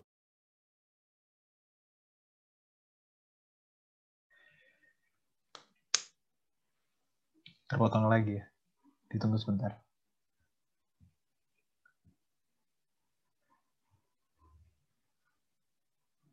Oke, kayaknya saya akan Halo, pindah. Mas A. Saya akan pindah ke ini ya, pindah ke pindah ke saluran lain sebentar. Oh, siap siap. Baik baik. Tunggu. Mudah-mudahan.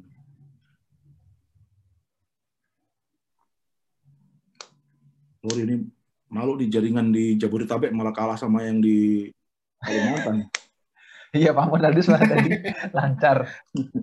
Ini lah orang di kota ini bang banyakkan gaya, substansinya substansinya nggak ada. Rebutan mungkin.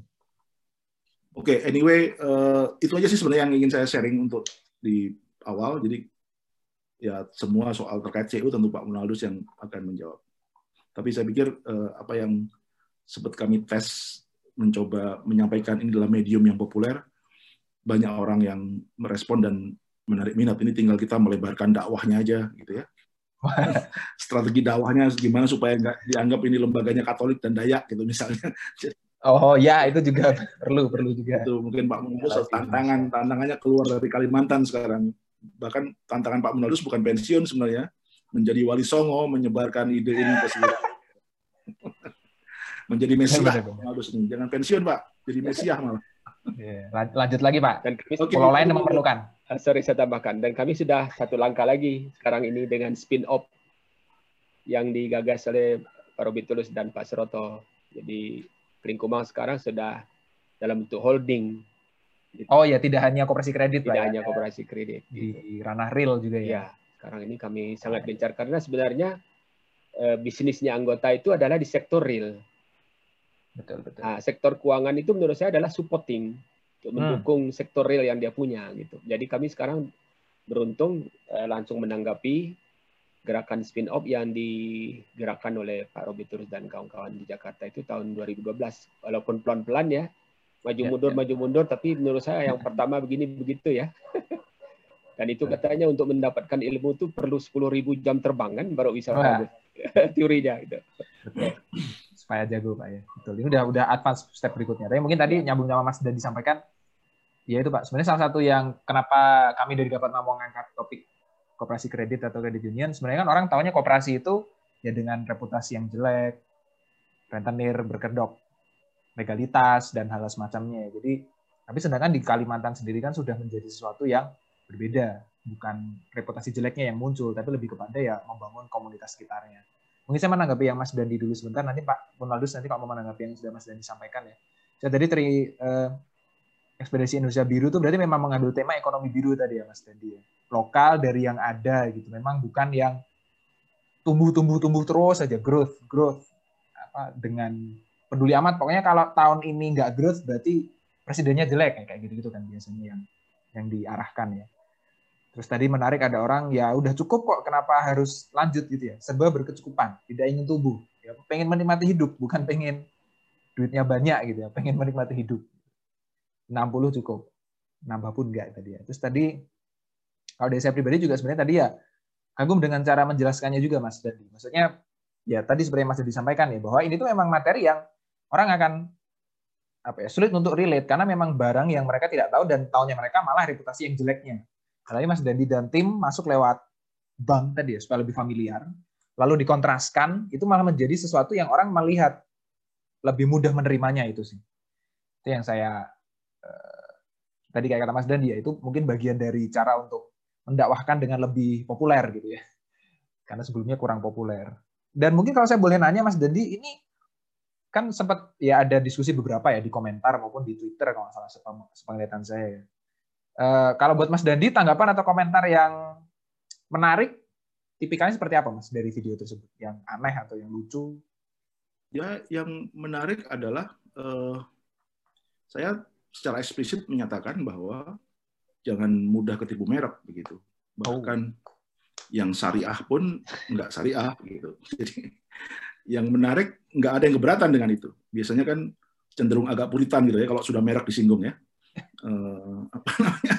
Tapi ini karena karena kita bisa menjelaskan secara rasional, bahkan yang tadi uh, banyak komentar misalnya ini lembaga orang Katolik tapi kenapa lebih syariah gitu. Terus ada juga mahasiswa uh, apa namanya perbankan syariah. Jadi selama ini saya belajar syariah ngapain aja gitu. Oh, beda banget. ada yang banget. apa ya? Ada Betul. Yang... Jadi uh, apa namanya?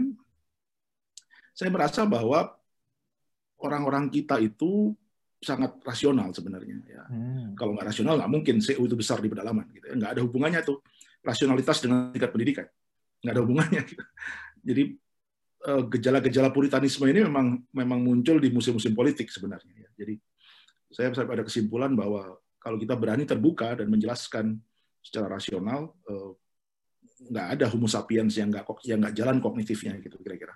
Jadi yang membuat kognitif nggak jalan kan soal kepentingan biasanya. Hmm. Jadi bukan bukan pada basic uh, rasionalitasnya gitu. Sehingga bagi saya uh, itu yang menarik ya. Jadi saya men-challenge syariah uh, secara terbuka di sini. Sama dengan ketika saya membuat Sexy Killer, saya juga men-challenge saham syariahnya ah, ya, ya. Uh, Ma'ruf Amin dan semua brand syariah yang dijual Ma'ruf Amin misalnya. Uh, saya challenge di film itu. Dan tidak ada tidak ada keberatan yang signifikan karena memang apa namanya harus dibuka begitu ya. Jadi itu sih yang menarik. Jadi saya tes di dua dua episode ini uh, baik bukan bank maupun bank mawah. Bank mawah juga ya. Ya saya eksplisit sebut bahwa uh, tanpa menjual embel-embel syariah mereka apa namanya lebih bisa diterima orang di Aceh dalam konteks Aceh bahkan. Oh iya ya bahkan Aceh ya untuk bank mawah ya. Iya. Hmm. Ya sekarang malah sebaliknya kan yang menggunakan embel-embel ekonomi Islam malah pemerintah sendiri. Presiden tiba-tiba mau ambil dana wakaf. Ya, yang wakaf uang itu ya, yang kemarin sempat heboh. ya, ya kan, jadi eh, malah puritanisme brand itu ada di negara sekarang, bukan di masyarakat. puritanisme brand. Nah, Mas Dandi tanggung jawabnya gimana tuh Mas? Ada mahasiswa perbankan syariah yang mengalami krisis identitas tuh gimana nanti? Ya bagi saya memang sudah memang sudah layak didiskusikan gitu. Semua orang yang mengaku mengajarkan syariah harus berani harus berani terbuka eh, apa namanya mengevaluasi lagi. Ya eh, bahkan dosen-dosen yang mengajar ekonomi syariah misalnya di IAIN juga juga memutar film ini di kampusnya oh. dan mereka mendiskusikan lagi gitu. Eh, IAIN Metro Lampung misalnya itu eh, sudah mendiskusikan film ini secara terbuka dan hasilnya gimana tuh mas? Uh, apa animonya seperti apa? Ya uh, kita mulai dengan keraguan udah bagus tuh mereka ragu dengan Ragu itu langkah pertama ya. Iya kan? Ya apa namanya? Itu itu artinya sudah sudah ada mulai dialektika kan, sudah mulai proses berpikir gitu bahwa lupakan dulu deh soal brand, lupakan dulu soal oh. soal nomenklatur gitu ya, lupakan. Jadi balik saja dulu ke substansinya. Substansi, prinsip dulu ya. Ya, apakah substansinya ini kemudian nanti disebut sari A, sari B, sari C, itu nomor berikutnya lah. Gitu. Jadi apa namanya? Eh, kita harus membiasakan diri untuk tidak terjebak dalam dalam dalam brand tadi ya seperti koperasi gitu kan apa namanya Betul. dulu koperasi karena yang bawa Bung Hatta gitu ya di, dijadikan dijadikan brand kemasan untuk tadi melakukan praktek rente dan segala macam gitu ya, Iya. memindahkan kapitalisme ke desa gitu. Eh, yang sekarang mungkin ada ada Mas Suroto mungkin menyimak ini BUMN jadi Bum- BUMDes gitu. Nanti BUMDes diholdingin di BUMN, sahamnya dijual di pasar modal gitu. Jadi, apa namanya eh, ini yang yang menurut saya eh, apa namanya jadi udah kita kita ajak orang untuk tidak berpikir soal merek gitu ya. Ya bahkan CEO dalam dalam akhirnya juga itu kan eh, strateginya tadi menghindari kooperasi gitu karena memang sudah menjadi beban reputasinya sudah sudah buruk begitu. Mungkin itu, Bung. Siap. Terima kasih Mas Dadi. Mungkin Pak Monaldus kalau menanggapi yang tadi, eh, yang mana saja boleh menanggapi yang tadi sudah diceritakan. Baik dari konteks syariah ataupun ya tadi reputasi beban nama koperasi atau kembali ke substansi tadi mungkin Pak Monaldus kalau mau menanggapi dahulu sebelum saya masuk ke lanjut ke daftar pertanyaan yang lain. Masih di mute Pak? Kalau mengenai brand koperasi itu tadi ya memang gimana ya koperasi itu katanya kan tahu ada tiga ya ada koperasi yang pedati ada koperasi yang berpati ada koperasi yang sejati jadi kalau di kampung itu kadang-kadang kata koperasi juga mereka nggak ngerti juga ya mereka tahu tuh kaude Oh iya. Ah, ah. karena kaude itu ketua untung dulu kata mereka. Jadi saya dulu lebih parah lagi waktu mendirikan CU ini di kampung. Paman saya, kami kan menyebarkan CU itu kan hanya dari keluarga bapak saya dan keluarga mama saya. Itu aja dulu. Jadi, itu yang lain mau ikutan juga. Pertemuan malamnya 62 orang yang menjadi anggota cuma 26. Saya bilang enggak apa-apa, yang penting kan 20 minimal. Tapi setelah lima tahun di kampung itu maju orang bisa bisa bangun rumah yang makin bagus. Sepeda motor sudah mulai ada ramai banyak. Jadi kampung lain mau masuk juga saya bilang enggak ini mau dikhususkan untuk dua kampung ini aja. Oh. nggak bisa. Mereka bilang bagaimana enggak bisa? Kampung sebelah kan keluarga dia bilang paman kamu juga. Cuma enggak di kampung ini aja. Wah aku bilang akhirnya rapat lagi kan dapat boleh enggak nerima? Kan kita bilang enggak hanya untuk bangun kampung kampung ini enklap, nggak boleh nerima kelapa sawit, kita kelola sendiri, kita ada punya modal nanti untuk tanah-tanah kita bangun. Akhirnya dibukalah, mau tak mau kan keluarga banyak juga di kampung-kampung lain. Oke, sekarang dari kampung itu ada satu lagi masalahnya. Kami tidak menerima trans orang trans, terutama orang trans. Ya orang trans lah pokoknya. Itu orang trans tuh marah betul dengan kami. Sampai datang ke kantor. Saya bilang sama mereka langsung, gini, ini kan kita ini tidak ada pengalaman ngurus barang ini. Kita ini sekolahnya tidak ada. Pengurus-pengurus ini mah ada yang tamat SD pun enggak gitu Pak dia. Cuma aku ini yang jadi motornya aja. Jadi kalau 2-3 tahun ke depan rugi, kalian yang baru datang itu enggak kena ruginya, kami aja yang kena ruginya gitu. Oh, kan, kan baru jadi justru malah pengennya melindungi Pak ya, maksudnya bukan Iya, masalah nggak gitu. boleh atau gimana. kan, kan kalian tahu lembaga begini biasa ini kan dimanfaatkan. Udah banyak. Kalian kan baru datang mungkin lagi sulit. Nggak kayak kami sini. Jadi saya bilang dalam tahap pembelajaran ini kami aja yang rugi. Kalian nggak usah. Oh itu. Tapi mereka bilang enggak.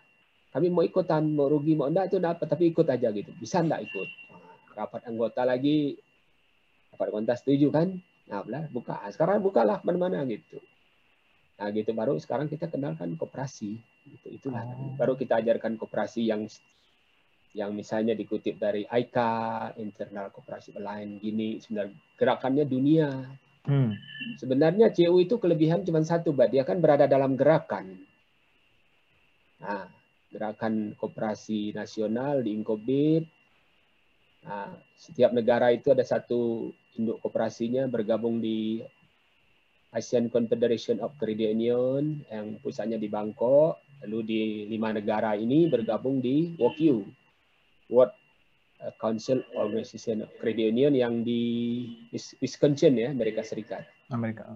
Jadi anggota kita itu semua dari primer-primer seluruh dunia itu yang tergabung di situ itu ada daftarnya di sana, dikirim ke sana nama-namanya. Nah itu hebatnya kita di dalam gerakan. Nah koperasi-koperasi yang lain kan tidak ada gerakan dunia kayak gitu. Nah segala manajemen pengelolaan itu kita dapat semua dari sana. Seperti misalnya PERS dalam pengukuran keuangannya, itu kita taat betul itu. orang CU ini taat betul dengan perintah gerakannya itu. Hmm. Nah, jadi kalau itu tidak bisa dilanggar gitu. Nah, dana cadangan harus segini, likuiditas harus segini, ya personal harus segini, tiap bulan. Sampai kemarin tuh sempat orang dari akuntan publik itu terkejut lihat indikator-indikator pengukuran keuangannya. Dia bilang kalau di bank itu kita kan mengenal kata camel ya, camel. Pengukurannya itu pakai camel. Kita pakai purse.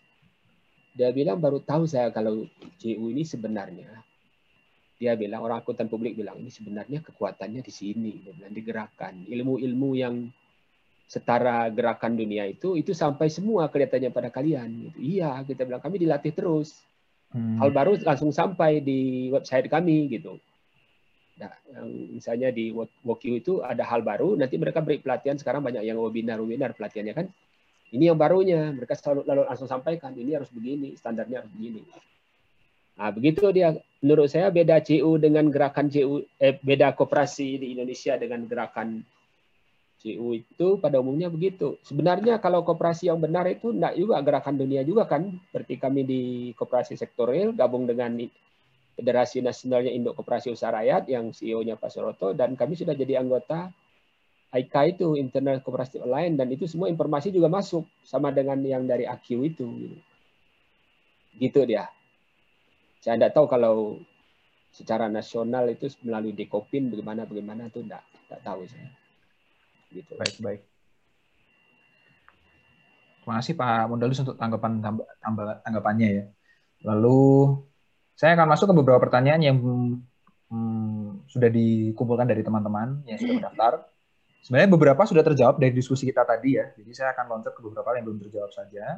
Sambil mungkin setelah ini kita akan masuk ke daftar pertanyaan yang sudah diisikan eh, online langsung lewat Slido yang tadi di-share oleh uh, co-host. Ini ke Pak Monadus dulu ya. Sebenarnya apa apa saja Pak kesulitan atau hambatan dalam proses pendiriannya ataupun kelangsungan hidup CU? Saya sih nangkapnya dari teman-teman tuh banyak yang, eh saya kok mau bikin gimana ya? Apa yang harus diperhatikan? Apa yang harus hati-hati? Hmm. Itu Pak Monadus mungkin boleh dibantu jawab. Nomor satu itu kalau tiga pilar itu tidak jalan, CU-nya pasti akan bermasalah. Pilar pendidikan tidak jalan. Pendidikan. Pendidikan tidak jalan itu selalu kita sudah menemukan polanya. Begitu pendidikan jalan, biasanya anggota bertambah dan anggota semangat lagi menabung, semangat lagi mengansur. Pendidikan. Wilayah-wilayah yang misalnya mereka dah lemah, berciu, ngansur lemah, atau tidak mau minjam, itu harus diberikan penyegaran, pendidikan lagi. Nah, pendidikan itu harus menghasilkan itu tadi, semangat solidaritas dan semangat swadaya. Nah, ciu-ciu yang melupakan pendidikan ya nggak bisa jalan, pasti tidak bisa jalan dan pasti kalah dilawan oleh ciu-ciu yang gencar memberikan pendidikan pada anggotanya. Karena itulah pilarnya itu. Hmm. Kira itu. Itu jawabannya. Pendidikannya justru Pak yang utamanya. Pendidikan yang paling utama. Anggota harus dididik, cara berpikirnya harus berubah. Karena itu tadi, kemiskinan akibat cara berpikir yang keliru. Hmm. Dan cara berpikir bisa berubah kalau dididik. ada diskusi, ada penguatan, ada penyegaran cara berpikir, ada informasi baru yang menunjang kualitas berpikir mereka begitu. Ya, itu poinnya. Siap. Terima kasih Pak Menaldo. Semoga ini menjawab ya teman-teman yang join di sini. Kalau memang ada yang mau pengen memulai itu kunci utamanya. Berikutnya masih ke Pak Menaldus dulu. Bagaimananya ini Pak, ini kan tadi bagus sekali Pak ya. Maksudnya saya yakin teman-teman di sini yang baru mendengar atau sudah mendengar tapi pola pikirnya berbeda dengan apa yang dijelaskan tadi pasti ngerasa kayak wah ini kenapa sesuatu yang bagus kok nggak tersebar dengan rame se-Indonesia gitu. Baru di beberapa titik. Kalau menurut Pak Monaldo sebenarnya caranya bagaimana Pak ya supaya CU atau ya CU dulu lah ya atau operasi secara umum lah ya, bisa populer di Indonesia gitu. Padahal bagus banget tapi kok masih sepi begitu. Nggak tahu ya, kemungkinan CU ini saya lama diskusi dengan Mas Budiman Sejatmiko ya. Dia oh. sudah jadi anggota DPR ya, ngobrol dengan dia. Dia bilang gerakan CU ini kuat tapi low profile dia bilang. Oh, ya itu. Nah, nggak ada yang kalian bisa blow up gitu. Coba kamu cari dia bilang sesuatu yang bisa membuat dia blow up gitu, bisa Ya, tapi tipikalnya orang CU memang low profile. emang low profile. Begitu. Jadi ya Kak, saya tidak tahu jawabannya. Oh, oke. Okay, Masih di Masjid Mikot mengingatkan saya itu. Harus di blow up ya padahal sebenarnya. Yeah. Mungkin saya kalau gitu saya belok ke Mas Dandi. Tadi kan Mas Dandi sempat bilang ya Mas ya. Ini salah satu bentuk ya teman-teman dari Watchdog maupun Indonesia Biru untuk memblow up dari kan dengan satu video bukan bank maupun bank mawah. Tapi kalau dari perjalanan Mas Dandi, Mas, ini kalau ngomongin koperasi dulu ya. Dari perjalanan Mas Dandi yang selama satu tahun itu, adakah titik lain di Indonesia yang sebenarnya kalau ngomongin koperasi ya, ada yang jadi juga nggak? Atau sebenarnya ya di Kalimantan itu yang memang cukup heboh koperasi? Ya secara umum koperasi yang ada di masyarakat ya koperasi yang kita kritik sekarang ini, gitu. hmm. uh, yang yang yang sama sekali tidak tidak mencerminkan semangat uh, filosofi koperasinya begitu ya. ya bahkan bahkan dalam bentuk yang seperti itu pun juga tidak bisa survive gitu ya. Jadi misalnya ada sebuah koperasi nelayan yang sangat besar dan bersejarah di mana Tidore di hmm. kampung Tomalo. Itu itu salah satu pusat perikanan besar di Indonesia Timur, terutama untuk di uh, apa, Kepulauan Maluku ya, perairan Maluku. Dan itu nelayan-nelayan Tomalo itu sudah sangat dikenal dari dari dulu, penghasil, pusat penghasil cakalang begitu ya. Nah, uh, apa namanya mereka punya sempat punya koperasi gitu ya, dan cukup besar begitu koperasinya. Tapi ya konsep konsep koperasi yang yang di drop dari Jakarta. Oh. Ya. Jadi itu pun juga tidak juga tidak bertahan lama. Ya, kasusnya macam-macam gitu ya. Sampai kemudian komunitas nelayannya sendiri hancur eh, karena banyak faktor ya. Faktor terutama yang paling memukul adalah persaingan dengan eh, nelayan-nelayan asing dari Filipina. Eh, yang kedua faktor internal yaitu apa namanya kenaikan harga BBM dan dan mulai eh, apa degradasi lingkungannya. Jadi kenaikan BBM 2004 itu yang hampir 100% itu dengan solar yang tidak disubsidi lagi itu memukul banyak uh, uh, nelayan-nelayan gitu. Yang saya nggak tahu apakah dengan berkooperasi pun faktor struktural seperti itu bisa mereka hadapi gitu. Ya, uh, jadi kompleks ya mas masalahnya di internal kelemahan si organisasinya sendiri juga faktor-faktor eksternal terkait dengan kebijakan negara yang yang apa namanya uh, uh, tumbang gitu ya. Lalu yang kedua, di masa keemasannya saya lihat juga karakternya sebenarnya agak mirip-mirip dengan dengan koperasi-koperasi mapan yang di Amerika, misalnya koperasi peternak sapi atau koperasi produsen susu begitu ya, yang kalau kita kita nonton dokumenter seperti Rotten begitu di Netflix ya, mereka juga mengkritik keras gitu kan. Koperasinya sudah sudah mirip kartel sebenarnya.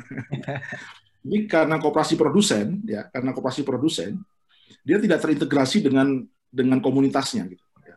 Sehingga problem-problem produksi skala besar yang punya implikasi ke lingkungan, ke tetangganya, ya limbah dan segala macam gitu ya. Uh, atau atau dominasi industri uh, alpukat misalnya para penanam alpukat yang menyerap banyak air dan juga bermusuhan dengan warga sekitar sama-sama kooperasi gitu ya.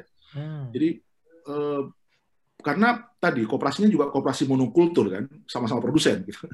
Jadi memang yang dijaga kepentingan produsen para pemilik kebun alpukat, walaupun kooperasi.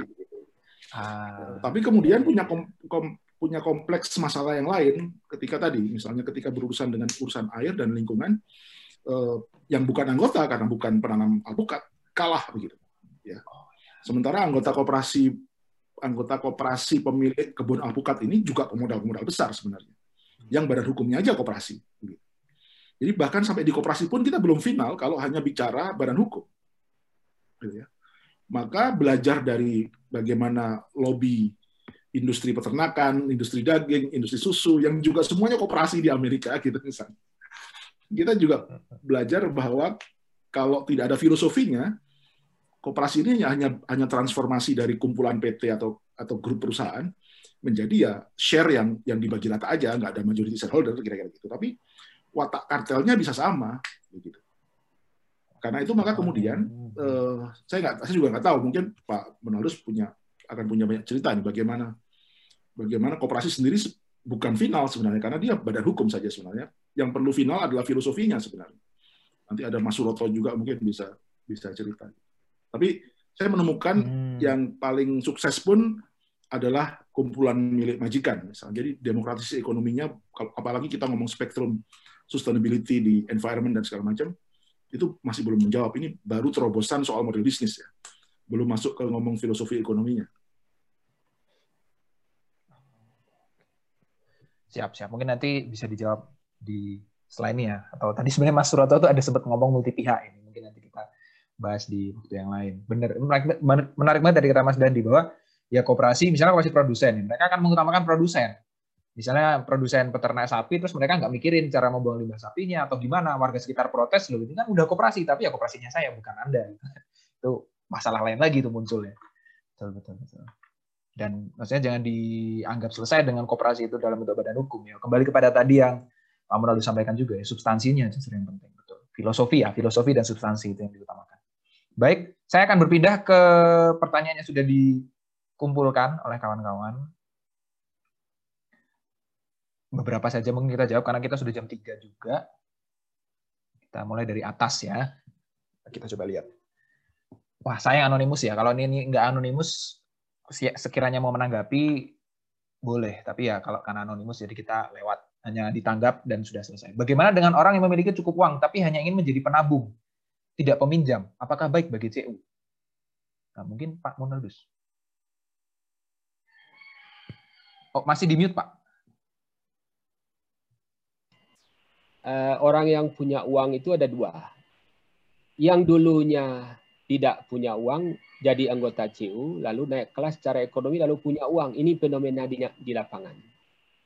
Hmm. Kalau itu tidak masalah. Yang bermasalah itu adalah orang yang begitu datang dengan uangnya segepok gitu. Kalau itu kita tidak bisa. Di Kelingkumbang sendiri kalau kita mau menerima yang seperti itu, aset kita mungkin sudah 5-6 triliun. Oh. Tapi kita tidak bisa dengan jumlah 500 juta paling tinggi, itu harus sudah mendapat persetujuan kantor pusat. Apakah uang itu dibutuhkan untuk penyaluran dana? Kita bukan berangkas untuk nyimpan uang anggota. Begitu. Nah, kita harus memikirkan bagaimana menyalurkannya. Kalau ada tempat menyalurkannya, oh, kita iya. ambil. Tapi kalau tidak, kita bilang kami nggak bisa terima. Kalaupun membuat orang tidak tersinggung, kita bilang boleh bunga, eh, kami hanya beri balai jasa setara balai jasa eh, bunga bank. Biasa mereka nggak mau. Ya udah. Oh. Kita nggak butuh uangnya. Gitu. Kembali lagi Pak, ini pola pikir yang menarik ya. Maksudnya biasanya bank itu kan orang mau deposit apa deposit uang atau nyimpan uang banyak itu kan malah happy ya. Oh, iya. di sini nggak bisa. Beda.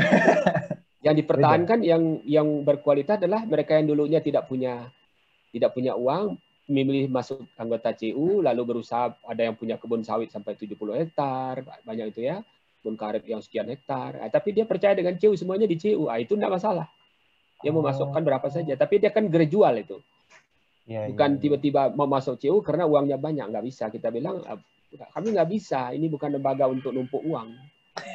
Kami harus minta izin kantor pusat dulu. Kalau kantor pusat tidak izinkan nggak bisa. Dua kalau kantor pusat izin biasa dia kasih tahu. Boleh bunganya sekian aja sama dengan setara dengan bank mau enggak biasa mereka nggak mau ya terserah. Oh. nah, begitu kalau di koperasi ini kalau di CU ini. Menarik sekali. Orang mau naruh duit malah jangan belum tentu bisa gitu ya. Iya iya iya kalau bisa boleh, tapi balas jasanya kecil. Gitu. Iya, iya, iya. Kalau orang kami bilang di sini, ini orang mau nenggek kering katanya, tidak mau berjuang. Oh. Tidak berjuang ya. Tidak mau berjuang bareng ya justru ya. Pengennya ya, bertumbuh ya. aja uangnya, nggak bisa. Ya, tidak mau berjalan sama-sama. Ya. Mantap. Ya mohon maaf karena ini anonimus jadi tidak bisa ditanggapi lanjut ya. ya lanjut. Kalau yang mau ditanggapi mohon diberi nama. Erna Susanti, Sunter Agung. Aku mau buat koperasi PKK di kelurahan. Mohon arahan dan bimbingannya apa saja yang diperlukan untuk memulainya. Ah, boleh ini kembali ke Pak Monaldus lagi mungkin ya.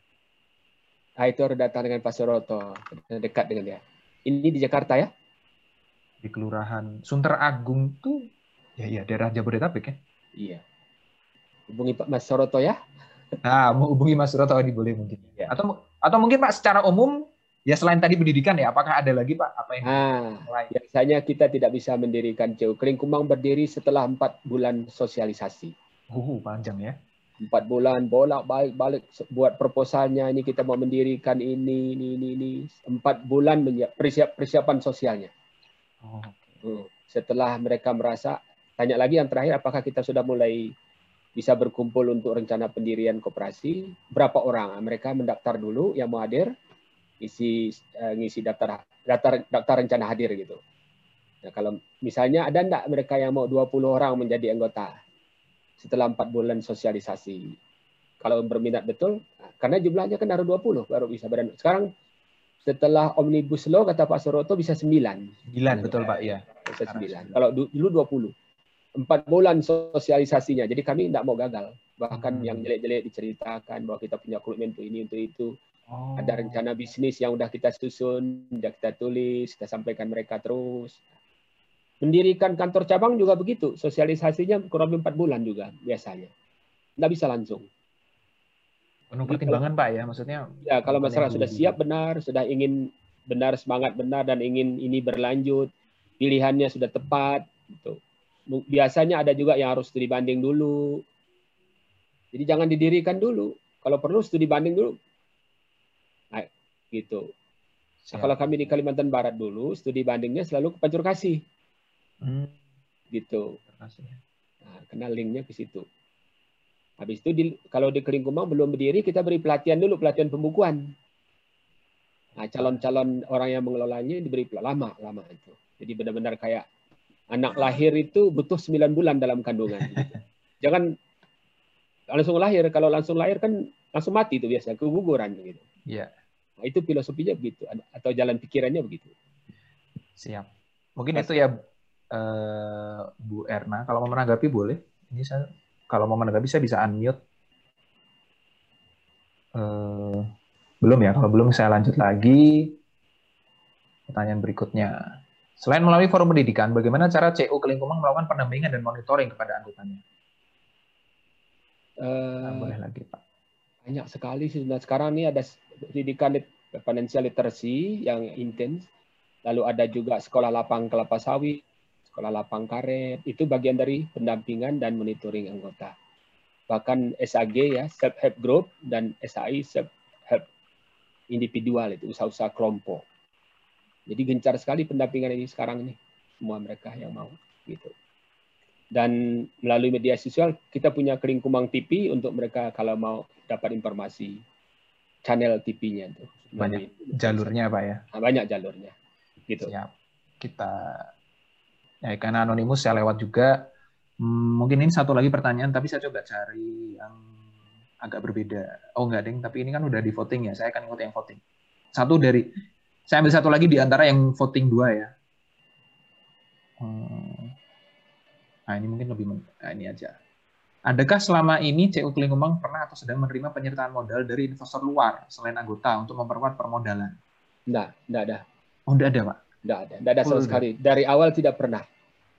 Itu pertimbangannya apa, Pak? Memang nggak ma memang ya bukan seperti itu yang visi yang mau dibangun atau seperti uh, di apa? dalam di dalam gerakan CU itu ada peringatan begini. Di Amerika Latin itu banyak CU menerima namanya disebut cantelan, cantelan modal dari luar. Cantelan, oke. Okay. Donator kayak gitu. Dan akhirnya itu menjadi polemik di anggota dan anggota tingkat kesuadaan jadi runtuh, luntur. Ada hmm. penelitiannya, ada bukunya. Jadi kami sekarang sangat takut. Tapi sebenarnya soal permodalan kami tidak masalah. Jadi saya bilang tadi, banyak idle money-nya sekarang ini. Lancar-lancar saja Pak ya?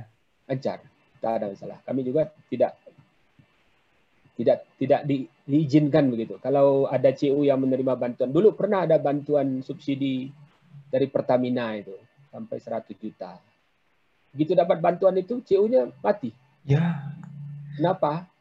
Karena itu kadang-kadang itu ada konflik kepentingan. Pengurus itu ngambil ngambil dana dari luar, tapi dipakai untuk orang kalangan dalam. Hmm. Ada pengurus yang dapatnya manajemen. Begitu anggota tahu, anggota gugat. Eh, kalau begitu sih kalian enak, kami yang susah. Kami sudah puas berjuang dengan ini apa yang kalian katakan kami terapkan. Rupanya kalian menusuk kami dari belakang. Mereka bilang kami tidak setia. Oh, nah itu hancur ya. Amerika di Amerika Selatan, Amerika Latin itu sudah ada, sudah ada. Saya ada bukunya soalnya bahwa dana cantelan dari luar donatur gitu itu akan merusak ikatan pemersatu. Hmm. Gitu. Ya, ya, ya betul betul malah merusak justru ya bukan ya, kesannya malah kita butuh modal dari awal, gitu ya dari awal kita sudah bilang sama anggota kita tidak boleh menerima bantuan dari luar dari anggota oleh anggota untuk anggota. Titik situ. Susah itu pak. banyak orang, orang banyak orang mikirnya, wah ada nih yang mau masuk enak nih duitnya kita bisa diputar gitu ya. Orang mikirnya bisa. begitu. Dia tidak akan buat dia tumbuh. Iya malah. Karena pohon pohon kalau dikasih pupuk terlalu banyak juga sakit ya. Ah betul. Setahu setahu saya. betul enggak? Dan nutrisinya harus pas. Pas. Coba sakit itu. Ada yang mati malah pohonnya kalau dikasih kotoran sapi masih panas itu. Lucu ya orang mikirnya oh mau ya tadi kayak ada hal-hal yang jadi saya sih apa merasa ada nyambungnya tadi dengan Mas Dandi bilang juga ya bahwa ada pola-pola pikir ekonomi yang sebenarnya kalau dilihat sekilas kesannya nggak masuk akal tadi ada orang mau masukin modal malah jangan ada orang mau nabung malah nggak dulu jadi apa ya itu hal-hal yang orang kesannya itu common sense atau itu hal yang yang wajar tapi nggak juga kalau dipikir kepada filosofinya ya tadi Pak Munaldus bilang ya, ini tuh harusnya dari kita untuk kita kalau ada orang yang masuk dari luar malah terbukti ya terbukti hancur bukan cuma terbayang-bayang ya terbukti iya. hancur ya. karena sebenarnya Baik. mengelola uang itu moral hasad itu mudah sekali hmm. terjadinya moral hasad terutama dari dalam kan yang merusak JU itu kan bukan anggota sebenarnya orang dalam Nah, kalau dapat dana dari luar kan orang dalam mungkin lebih tergiur dulu kan? Iya, karena yang pegang duluan ya. Nah, dia bisa pinjam lebih banyak, gitu, sembunyikan dengan anggota, selesai. Selesai masalah, remuk ya. ya.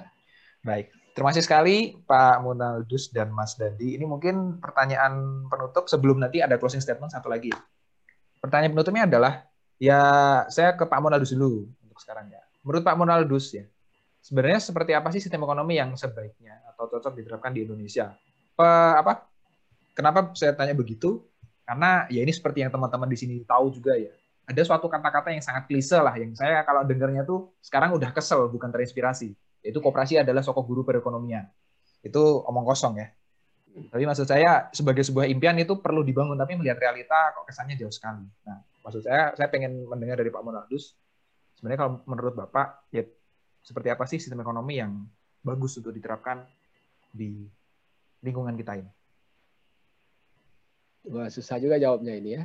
Iya. Gantung dari klasternya lah. Klaster. Mungkin kalau, kalau enggak boleh kalau di kelas dengan... bawah, kalau untuk tujuannya mengangkat kelas bawah seperti saya yang berasal dari kelas bawah. Ya koperasi cocok saya rasa. Hmm. Karena seperti koperasi itu kan awalnya seperti arisan. Hmm seperti arisan itu. Di contoh tadi itu juga di, kalau pertemuan di luar negeri juga begitu. Banyak negara Nepal, Bangladesh mereka mulai seperti dari arisan. Jadi ada penggerak kooperasi itu lihat mereka ini ada arisan. Kalau ada arisan itu ada ada bibit untuk bisa membangun kooperasi. Karena hmm. arisan itu kan untuk menyelesaikan masalah sosial ekonomi di dalam sebuah komunitas. Gitu.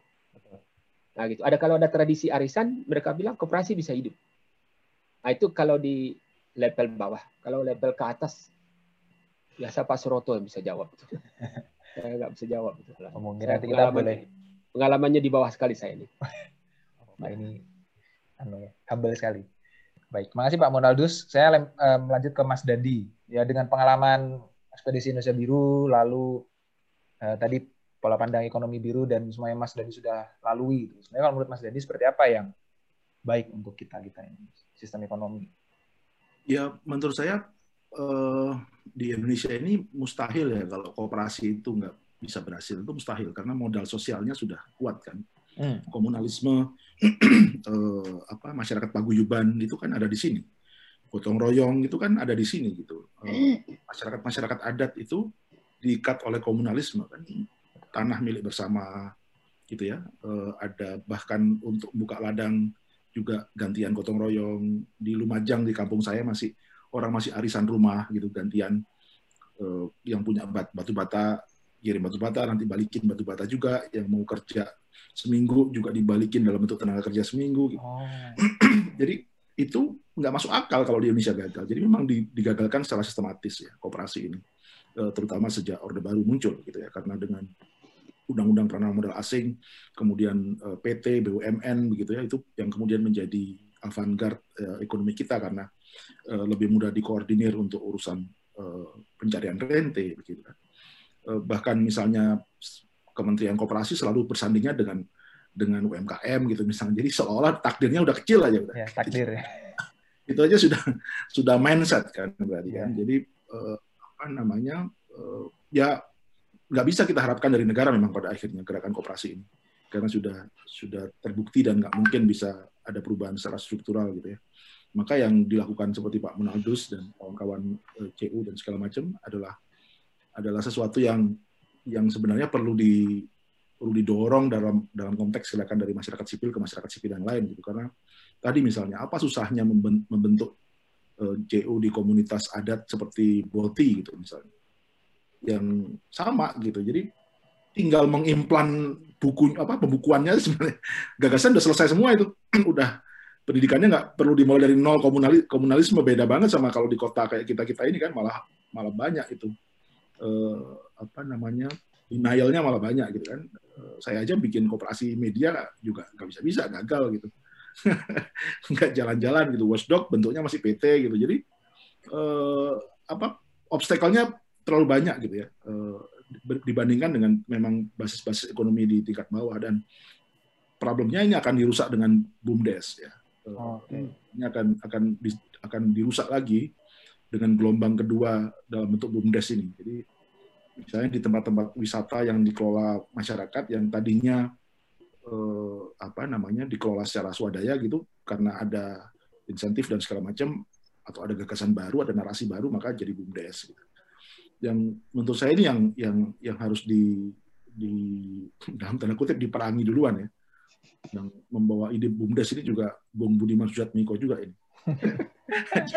ya, tadi sempat tersebut ya. Mas Budiman ya. Jadi menurut saya eh, ini ini akan menjadi pukulan lagi kalau koperasi mau muncul akan akan karena bumdes lebih powerful. Ya eh, modal ada ya nggak perlu banyak rapat ya kan dipimpin oleh kepala desa sebagai iya. otoritas politik, otoritas budaya, otoritas sosial.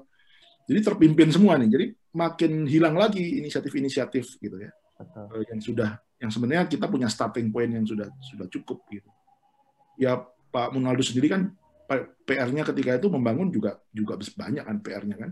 Yeah.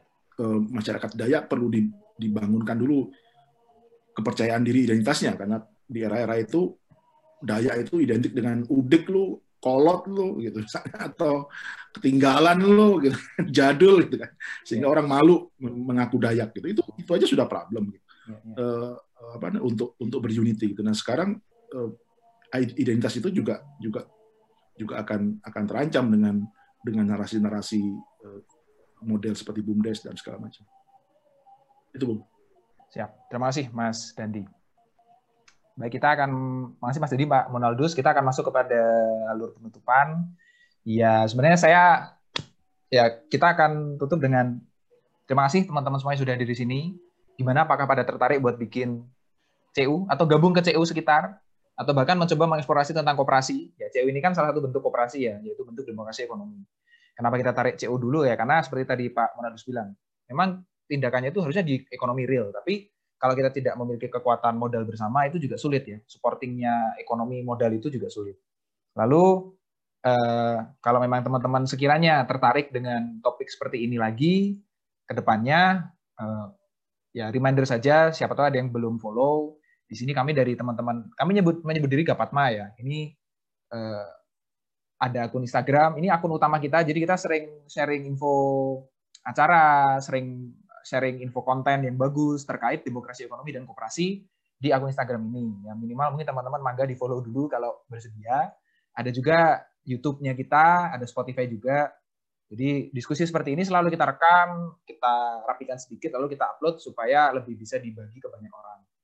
Jadi mangga sekiranya mau subscribe dan mau follow ke akun-akun kita. Nanti kita akan share di chat sekiranya pada mau coba buka gitu. Supaya nambah nih udah mau seribu nih.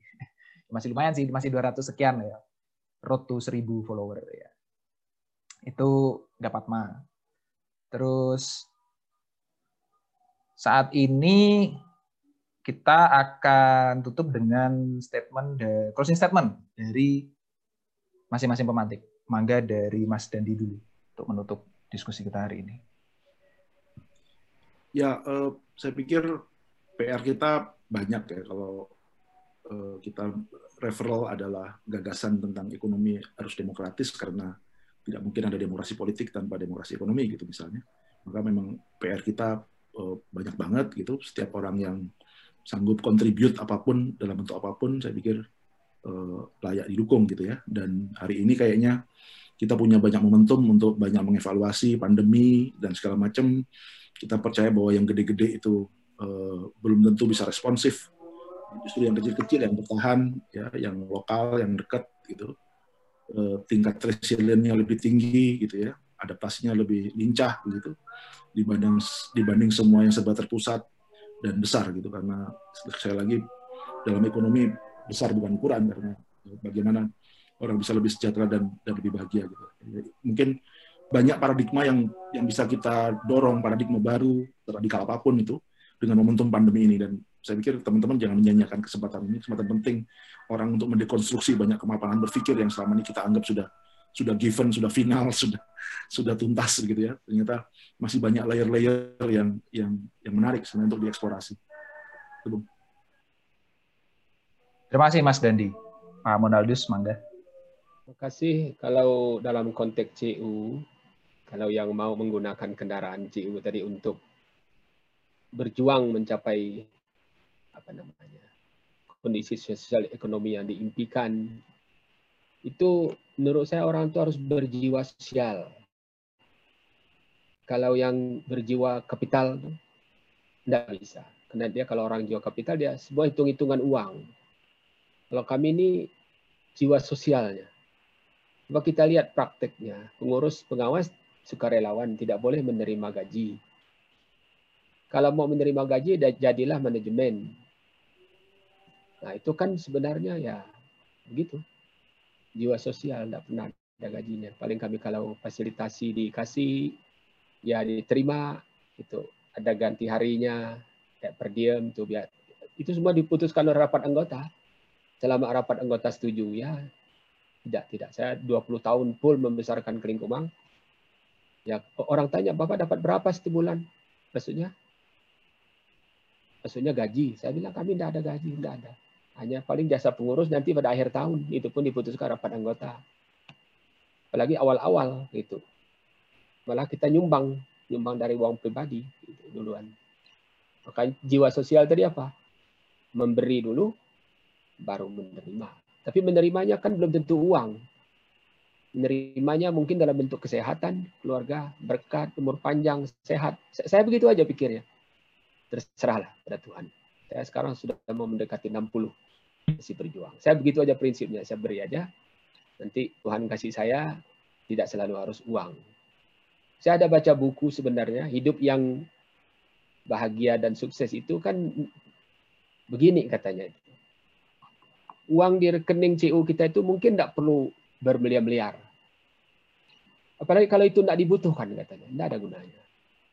Yang penting dia bilang ketika kita ada perlu, itu uang itu ada gitu. Tapi di rekeningnya mungkin tidak banyak. Maka kami sekarang bikin mendidik anggota tentang konsep gajian. Ini di kampung ini kan anak-anak muda senangnya jadi karyawan ya. Tidak ada gaji gitu, pegawai negeri. Tapi saya sudah 32 tahun jadi pegawai negeri sekarang gaji satu bulan. Gaji itu satu bulan sekali. Tidak besar, 5,8 juta gitu. Tapi kemarin saya ikut pelatihan pertanian kakao pelatihnya dari seorang ahli dari Sulawesi. Orang yang ikut pelatihan kami ada 30 orang. Eh sebagian besar itu pakai mobil double gardan. Sudah kaya.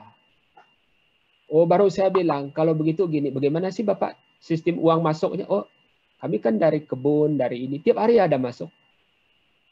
Tiap hari kami bisa jualan. Jualan ini, jualan ini. Kalau begitu, kalau mau sukses itu sebenarnya gajian itu tiap hari bukan satu bulan sekali. Nah, bagaimana konsep gajian setiap hari? Ah, itu kami sekarang kembangkan. Sekarang ada programnya sekarang. Namanya kebun serba ada. Bilang. Kan ada toko serba ada. Kita bilang, mari kita bikin kebun serba ada. Itu pun kami belajar dari Cebu di Filipina. Mereka ada satu bapak punya tanah setengah hektar saja, tanam kakao yang bagus, dan tumpang sari dengan kolam ikan dan pisang. Itu bisa rumah bagus, punya mobil, nyekolahkan anak sampai kuliah. Asal asetnya super produktif buat dia. Gajian tiap hari itu konsepnya. Terima kasih. Terima kasih Pak Monaldus. Ya, sekian acara kita di siang hari ini. Sekali lagi terima kasih buat semuanya. Terima kasih untuk uh, para pemantik, Pak Monaldus, Nerang, Mas Dandi Dilaksono, lalu kawan-kawan yang sudah bergabung sampai akhir. Uh, nanti kita akan ya tadi ya akan rekam, lalu kita akan share juga materi dari tadi yang ada slide-nya kan Pak Monaldus ya. Jadi slide-nya Pak Monaldus juga akan kita share ya Pak Monaldus ya, ya. teman-teman. Tapi tolong yang belum registrasi, tolong diisi registrasinya di link yang saya share tadi di atas. Karena kita akan kirim lewat email ya. Jadi lewat email untuk uh, slide-nya nanti.